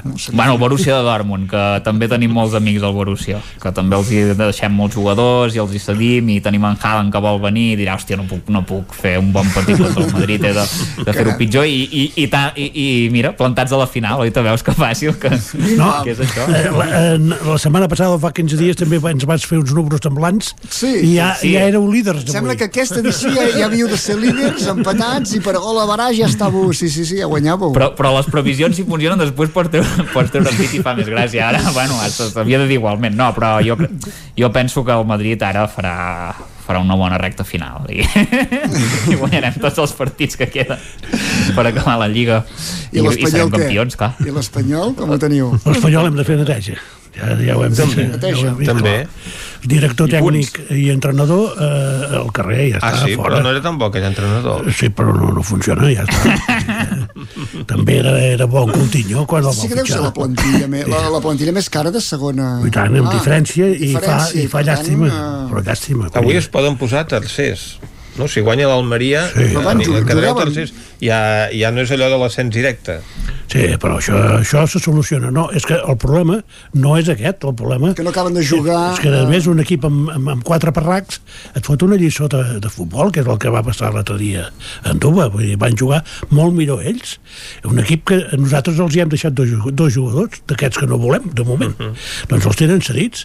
Eh, no han fitxat un que tampoc havia jugat amb nosaltres, l'Àlex López també va jugar amb ells, però aquest, aquest va jugar perquè estava fitxat, els altres estaven cedits i no, i no van jugar. Bon, té un cedit del Bilbao, un altre de, de, del, del, del Villarreal, un, un equip que, que bé, eh, aspira a jugar a segona divisió i anar fent. Vull dir que no, sense, sense res més, doncs aquest, aquest ens, va, ens, ens va passar la mala per la cara perquè no juguem a res. I llavors, si no juguem a res, la primer, el primer culpable és l'entrenador perquè no sap, no, no, no, no sap eh, fer funcionar l'equip i l'altre culpable, que ja ho va ser la temporada passada, que, que mireu si ho va fer malament, que van baixar, va ser el director tècnic. I jo, jo entenc que hi ha un moment que eh, s'ha de fer net i s'ha de prescindir eh, tant de l'un com de l'altre. I, I si ho fan avui, millor que demà. Ho, ho veig claríssim, això. Un altre club on no acaba de manar ningú, poder. Sí, és que no sé què passa. No? Ah, perquè Allà sí si que hi ha amo. Si no hi ha amo, però tampoc deu manar. El que passa no, però aquest senyor va fer el que havia de fer, per exemple, l'altre dia, fa, fa 15 dies o 3 setmanes, eh? li, li van presentar els números, mireu, est- estem així, aquesta temporada el Tom té, té dèficit, nosaltres necessitarem 20 milions d'euros per, per pagar-ho tota aquesta temporada. Doncs el senyor el que va fer va ser eh, portar 20 milions d'euros per, per, per acabar la temporada sense, sense dèficit. Llavors, a mi aquest amo em sembla perfecte. Una altra cosa és que llavors esportivament hi estigui d'acord. Ell no sé si entén a futbol, probablement no, i llavors ho deixa en mans d'altres. I aquests altres, eh, uns eh, tenen funcions tècniques, com en aquest cas d'en Rufeta, i els altres deuen tenir eh, funcions executives que, en definitiva, decideixen qui són els tècnics que treballen en, en, en el club. I llavors jo entenc que són aquests senyors, no el president, aquests senyors els que han de dir al president, escolta, hem de fer un canvi i hem d'anar a buscar un altre entrenador. I a més ja el tinc, el entrenador. És Rubí, eh, ajudat per, per, pel, pel biguetà eh, Jaume Torres. Mm -hmm. que jo ho tinc claríssim, això. Escolta, t'has descuidat de, de comentar que aquest cap de setmana hi ha hagut derbi. Potser pel resultat no, no, no et convenia, perquè ha guanyat el Barça.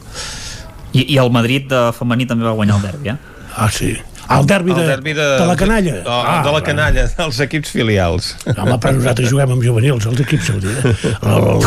L'Espanyol B té 5 o 6... No, no, no, és veritat, eh? Té 5 o 6 juvenils. El Barça també, eh? Sí, però nosaltres anem per formar jugadors, no anem per, per buscar-nos buscar als Estats Units i tot. No, no, home. I llavors vull dir que no. El Barça ara mateix els joves ja els posa al primer equip perquè no té més remei, però Exacte. és així. Sí, no. perquè no hi ha diners i els ha de posar allà. I, no, i, i, i, i Koeman realment confia en, en aquesta, en aquesta plantilla Tots aquests que han pujat són els que l'any passat aguantaven, el Barça que té mèrit, el Barça vol dir que continuen traient gent jove i continuen no? l'any passat l'Araujo tots, eh, vull, dir, vull dir, són els que estaven són els que aguantaven, mm. el Mingueza, darrere i per ja, us, tant, ja us ho facilito la dissabte diumenge juguen els, els juvenils A Eh, van empatats a punts, vull dir que si empata eh, o guanya, l'Espanyol quedarà el campió de Lliga. Ho deixem aquí, Lluís de Planell, Miquel R i Isaac Muntades. Moltes gràcies. Bon dia. Gràcies, bon dia. I ara ens toca dir-nos adeu, Vicenç. Efectivament, acabem un territori 17 que hem fet Clàudia Dinarès, David Auladell, Caral Campàs, Isaac Muntades, Pepa Costa, Isaac Moreno, Miquel R, Dolors Altarriba, Òscar Muñoz, Esther Rovira, Eloi Puigferrer, Jordi Sunyer i Vicenç Vigues. Nosaltres tornarem demà, com sempre, des de les 9 del matí i fins a les 12 del migdia. Adeu. Siau.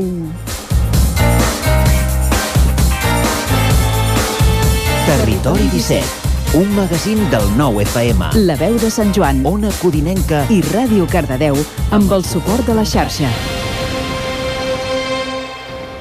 El nou FM